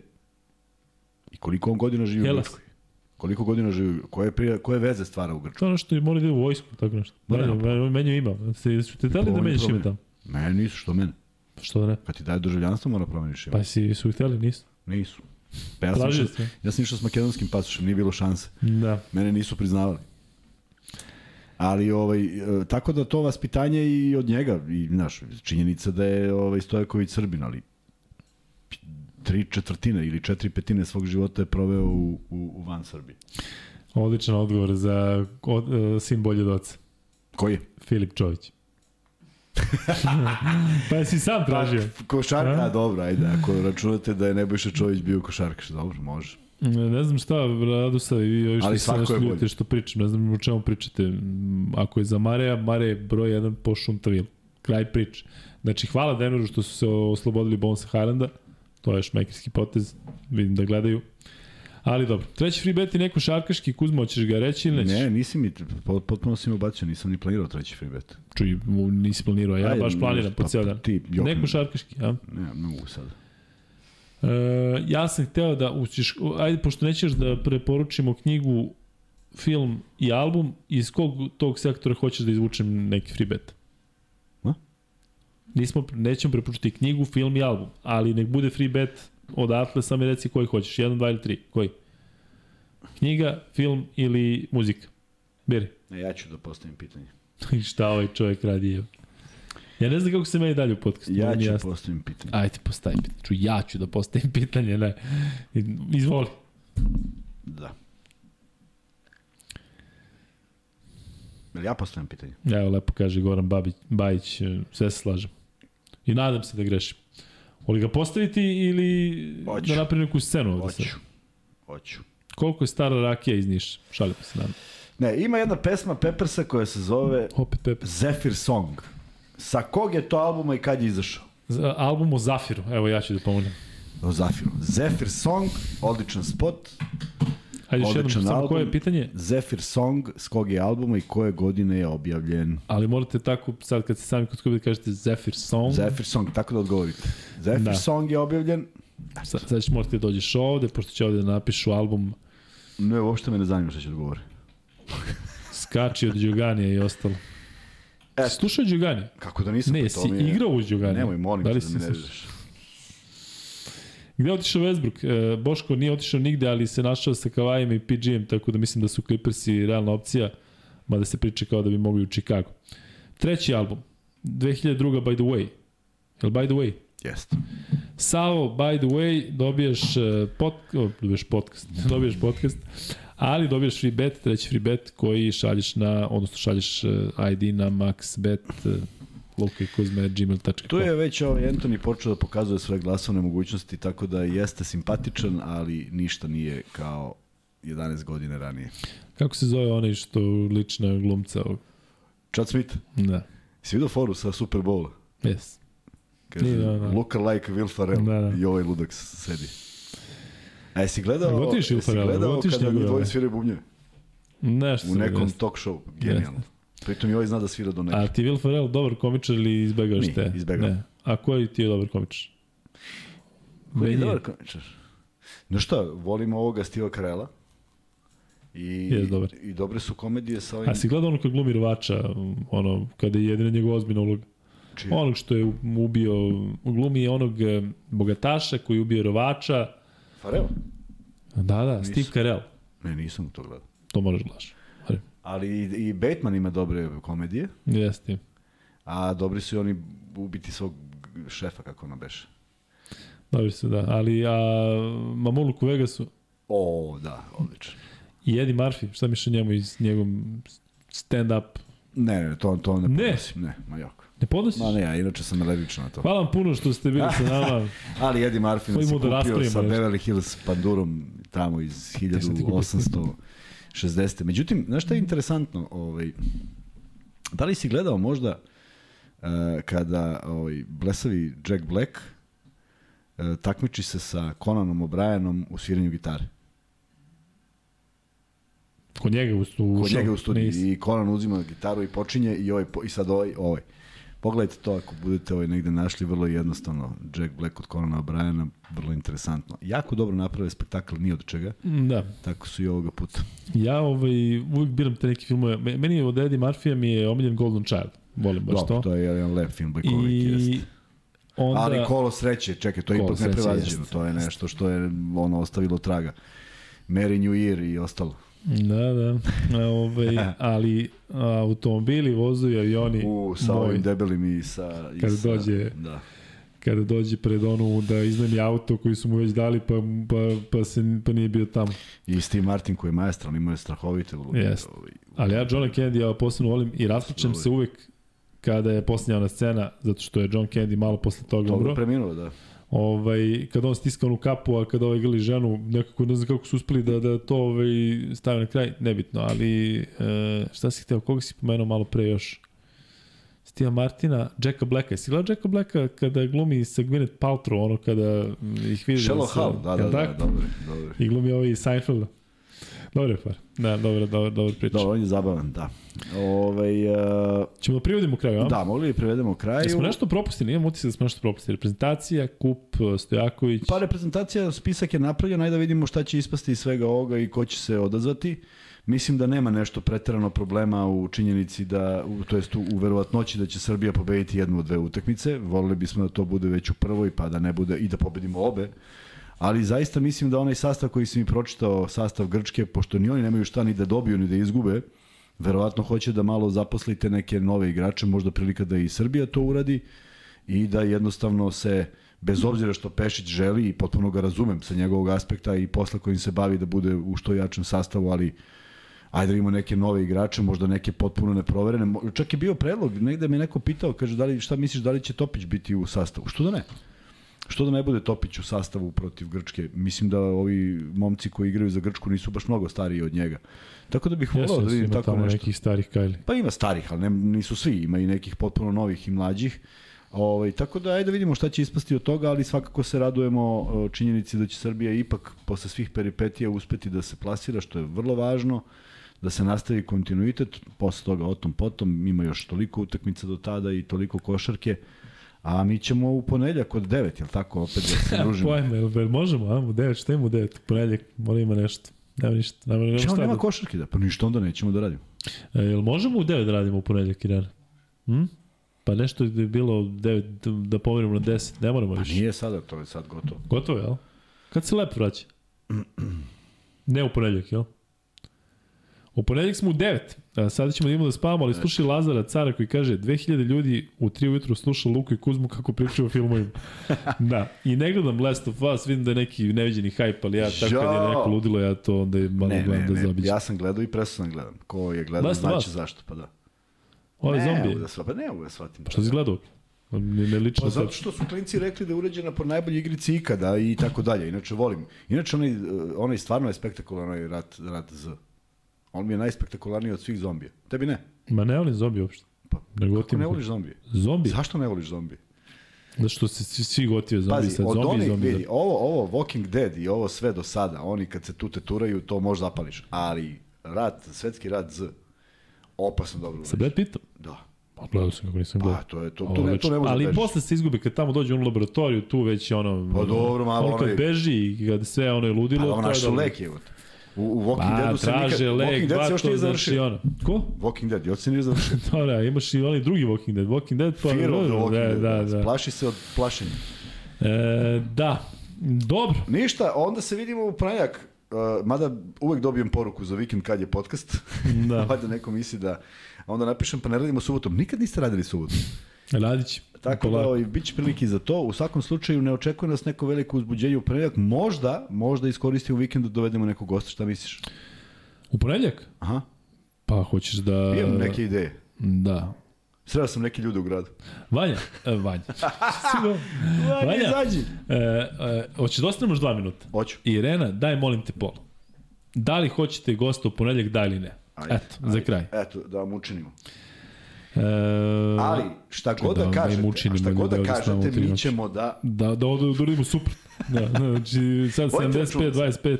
Ovo je sad ozbiljna, ozbiljan test. Da. Da vidimo da li ćete položiti. Dajte neki dobar horor. Da vidim šta, šta, kakav horor imate da preporučite, e, pošto u posljednje vreme nešto baš tanko. Ima ovi buddies, buddies, buddies. To je nešto interesantno. Um, Meni klinci i dalje ne veruju da je Exorcist jedan od najstrašnijih horror filmova. I kažu, ajde lupate. I ja se svaki put presečem kad gledam onaj film. Dobro, ti si old school, tako. Imaš, imaš ove nove egzorciste. Pa imaš nove ono nešto ba, bu, pa neka galama, pa kao ti se prepadneš od toga. Ali ono bre kad... It follows, gledaj. Mm, Ledi krv u žilom. Ledi žile u krvima. Šta si sad teo, jesi rekao nešto? Ne, evo stavili smo potpuno čekam. pol. E, čekaj da ja glasam. Što zašto ja Mada, glasam? ej, mada kad sam gledao Kerry kao klinac na visu, čoveč, Ti jedva sam baš došao, ej, jedva sam došao do smeštaja. I onda, 87. pu- ide, ide na kablovskoj televiziji Kerry, ja kod kuće, ej. A rekao, pogledam film, nisam dugo da gledao. Čoveče, znaš ti koja je to cenzura? Nema ni jedne scene. Znači, film traje sat i 15 minuta. Ej, Kerry ušla, Kerry izašla, Kerry ovo, majka umrla. Nema ništa, nema ni, sve je cenzurisano. Nema ni jedna Da. krvava, krvavi detalj. Pored ovih filmova ja mogu gledam kako hoćeš. E, jel, e, jesam ti pričao kad, kad smo gledali Ring, ja i drugari, šta se desilo? A, kad je zvonio telefon. Da, da, kad je zvonio telefon fiksni u tri noću. Ja i dalje imam Drugar. nedoumicu i neka neko mi odgonetne. Da li je ring zbog kruga ili zbog zvona? Mislim da to sada, da, po, To je da sad najvažnije. krene Pol, daj sad. Briši ovaj pol i daj stavi Piši ovaj, pa ćemo ponovo ovaj, kada Da, da. završimo onaj. E, da, Ajde, čoveče, 3 bre i 5. pa čekaj da se malo A, ljudi na malo. ovo. Koliko ima glasova? 3000? Ne, ali pazi koliko ima, 2074 ljudi u live. Kakvi carevi, ali mislim da je pola njih zaspalo. Daj da ih probudi ih. Daj sve. Buđenje! E, Evo, kaže da ima nešto, kaže, kaže, kaže dobar, Lazar, kaže. Lazar, Jarić, vidi, ozbiljno diskutabilno da li je Jarić bolji od svog oca. Jarić može da bude uspešniji košarkaš, zato što je došao do NBA. Ali ljudi koji su gledali Srećka Jarića kako igra, ne slažu se s ovim. Ljudi koji su gledali Srećka Jarića Više nisu ne živi. gledaju, ne gledaju više košak. Da, Dončić je bolji, logično, od oca. Koji Đorđević? Đorđević? Od Bate? Pa dobro, Pa, sad, da. mislim, jebi ga. Koji Đorđević? Ne, pa radimo, dobro, radimo pa ja stvarno, podcast pa i čovjek pita koji Pa Đorđević. pitam zašto ne koji Đorđević? ne sjećam se baš Batinog Sima opusa. Đorđević, stari Sima? dobri Sima. A Siminog znam. Holand za gost. Holand za gosta. Da. Mm, dobro mi je ovaj Ho- Horror It Follows, brate, baš pažnju na taj i ovi Conjuring serijali su dobri. Conjuring su dobri, da. E, Ali ništa malo dete za egzorcista. Voliš Exorcista. A Anabelle si gledao? Jes, to je, daj sad to već, sve isto kao i ono. Jes, isto. Ali egzorcist. Razgovor ove male i uh, pop-up, to je ipak. Nisi mogli da spaš. Neće sad moći da nisam. spaš. Sad, sad i ovako ne sma. Gasi. E, čekaj, možemo, ne moramo da gasimo. Da, da vidimo. 82%, 83% ljudi hoće da. Hoće je gosta. Kuzma, znaš šta ti je činiti? Šta mi je činiti? Koliko Da. posto? 83% da. Počeli Šta? smo dosta ljudi. Hoće gosta. Znači nema. Da. Znači, test, pali ste na testu. Samo ovih 17% je prošlo. Mm, Da. E, ništa, luka i kuzma.rs, tamo imate E, pa naše onda nećemo ni blogove. da radimo u ponedjeljak. Nek dođe samo gost. E, Potrudit ćemo se da dovedemo nekog. ovo je, ovo je klasičan kuzma, kao ajde da završavamo i onda ne da da završimo. Potrudit pazi ćemo se. kao, ima sada? razgovor, pazi, sada? Ima sada? Ima više? Razgovor, ali razgovor između devojčice i popa u Exorcistu u 3 i 08. Koliko ima sada u, u live-u? E, da ispričam samo onaj detalj iz filma, koliko ima sada? 2053. Pozdrav svih, svima koji gledate i koji ste gledali i hvala vam na ovaj dobrom druženju i e, dobio sam takve informacije, eto, konkretno iz Niša. A, da, dobili smo još jedan poziv i rečeno nam je da ćemo vrlo brzo da idemo na odlučujuću utakmicu Beočina, što sam prihvatio samo ne znam koji tačno vikend. Javit će nam momci iz Beočina da Šta znači odemo da- odlučujuće u smislu play-off? Mislim da, da je nešto tu pred kraj, da, da, da, neka utakmica, u- u ludilo neko. Koji su oni beš? Prva srpska? Pa sad, ne znam. Kako bre ne znaš? Kako me to ko, pitaš u sred ko će da zna ako nećeš ti da? Važno dobro se bore momci i treba da idemo da ih gledamo. E, dobro, drugari, Čekaj, samo hvala. šta kaže ovaj. šta, šta kaže Dejan Stamenković? Ja? E, Kaže Ćuki Čiča, mislim da ima vremena dosta i da bi bilo top za priču. da. Ali mislim na Raduljicu, tako da vidjet ćemo da li će doći. 2036 ljudi u live-u i ostavljamo vas da... Lako da noć svima ovom. i dobro jutro svima i vidimo se koliko za dan. A? Za dan ili za dva?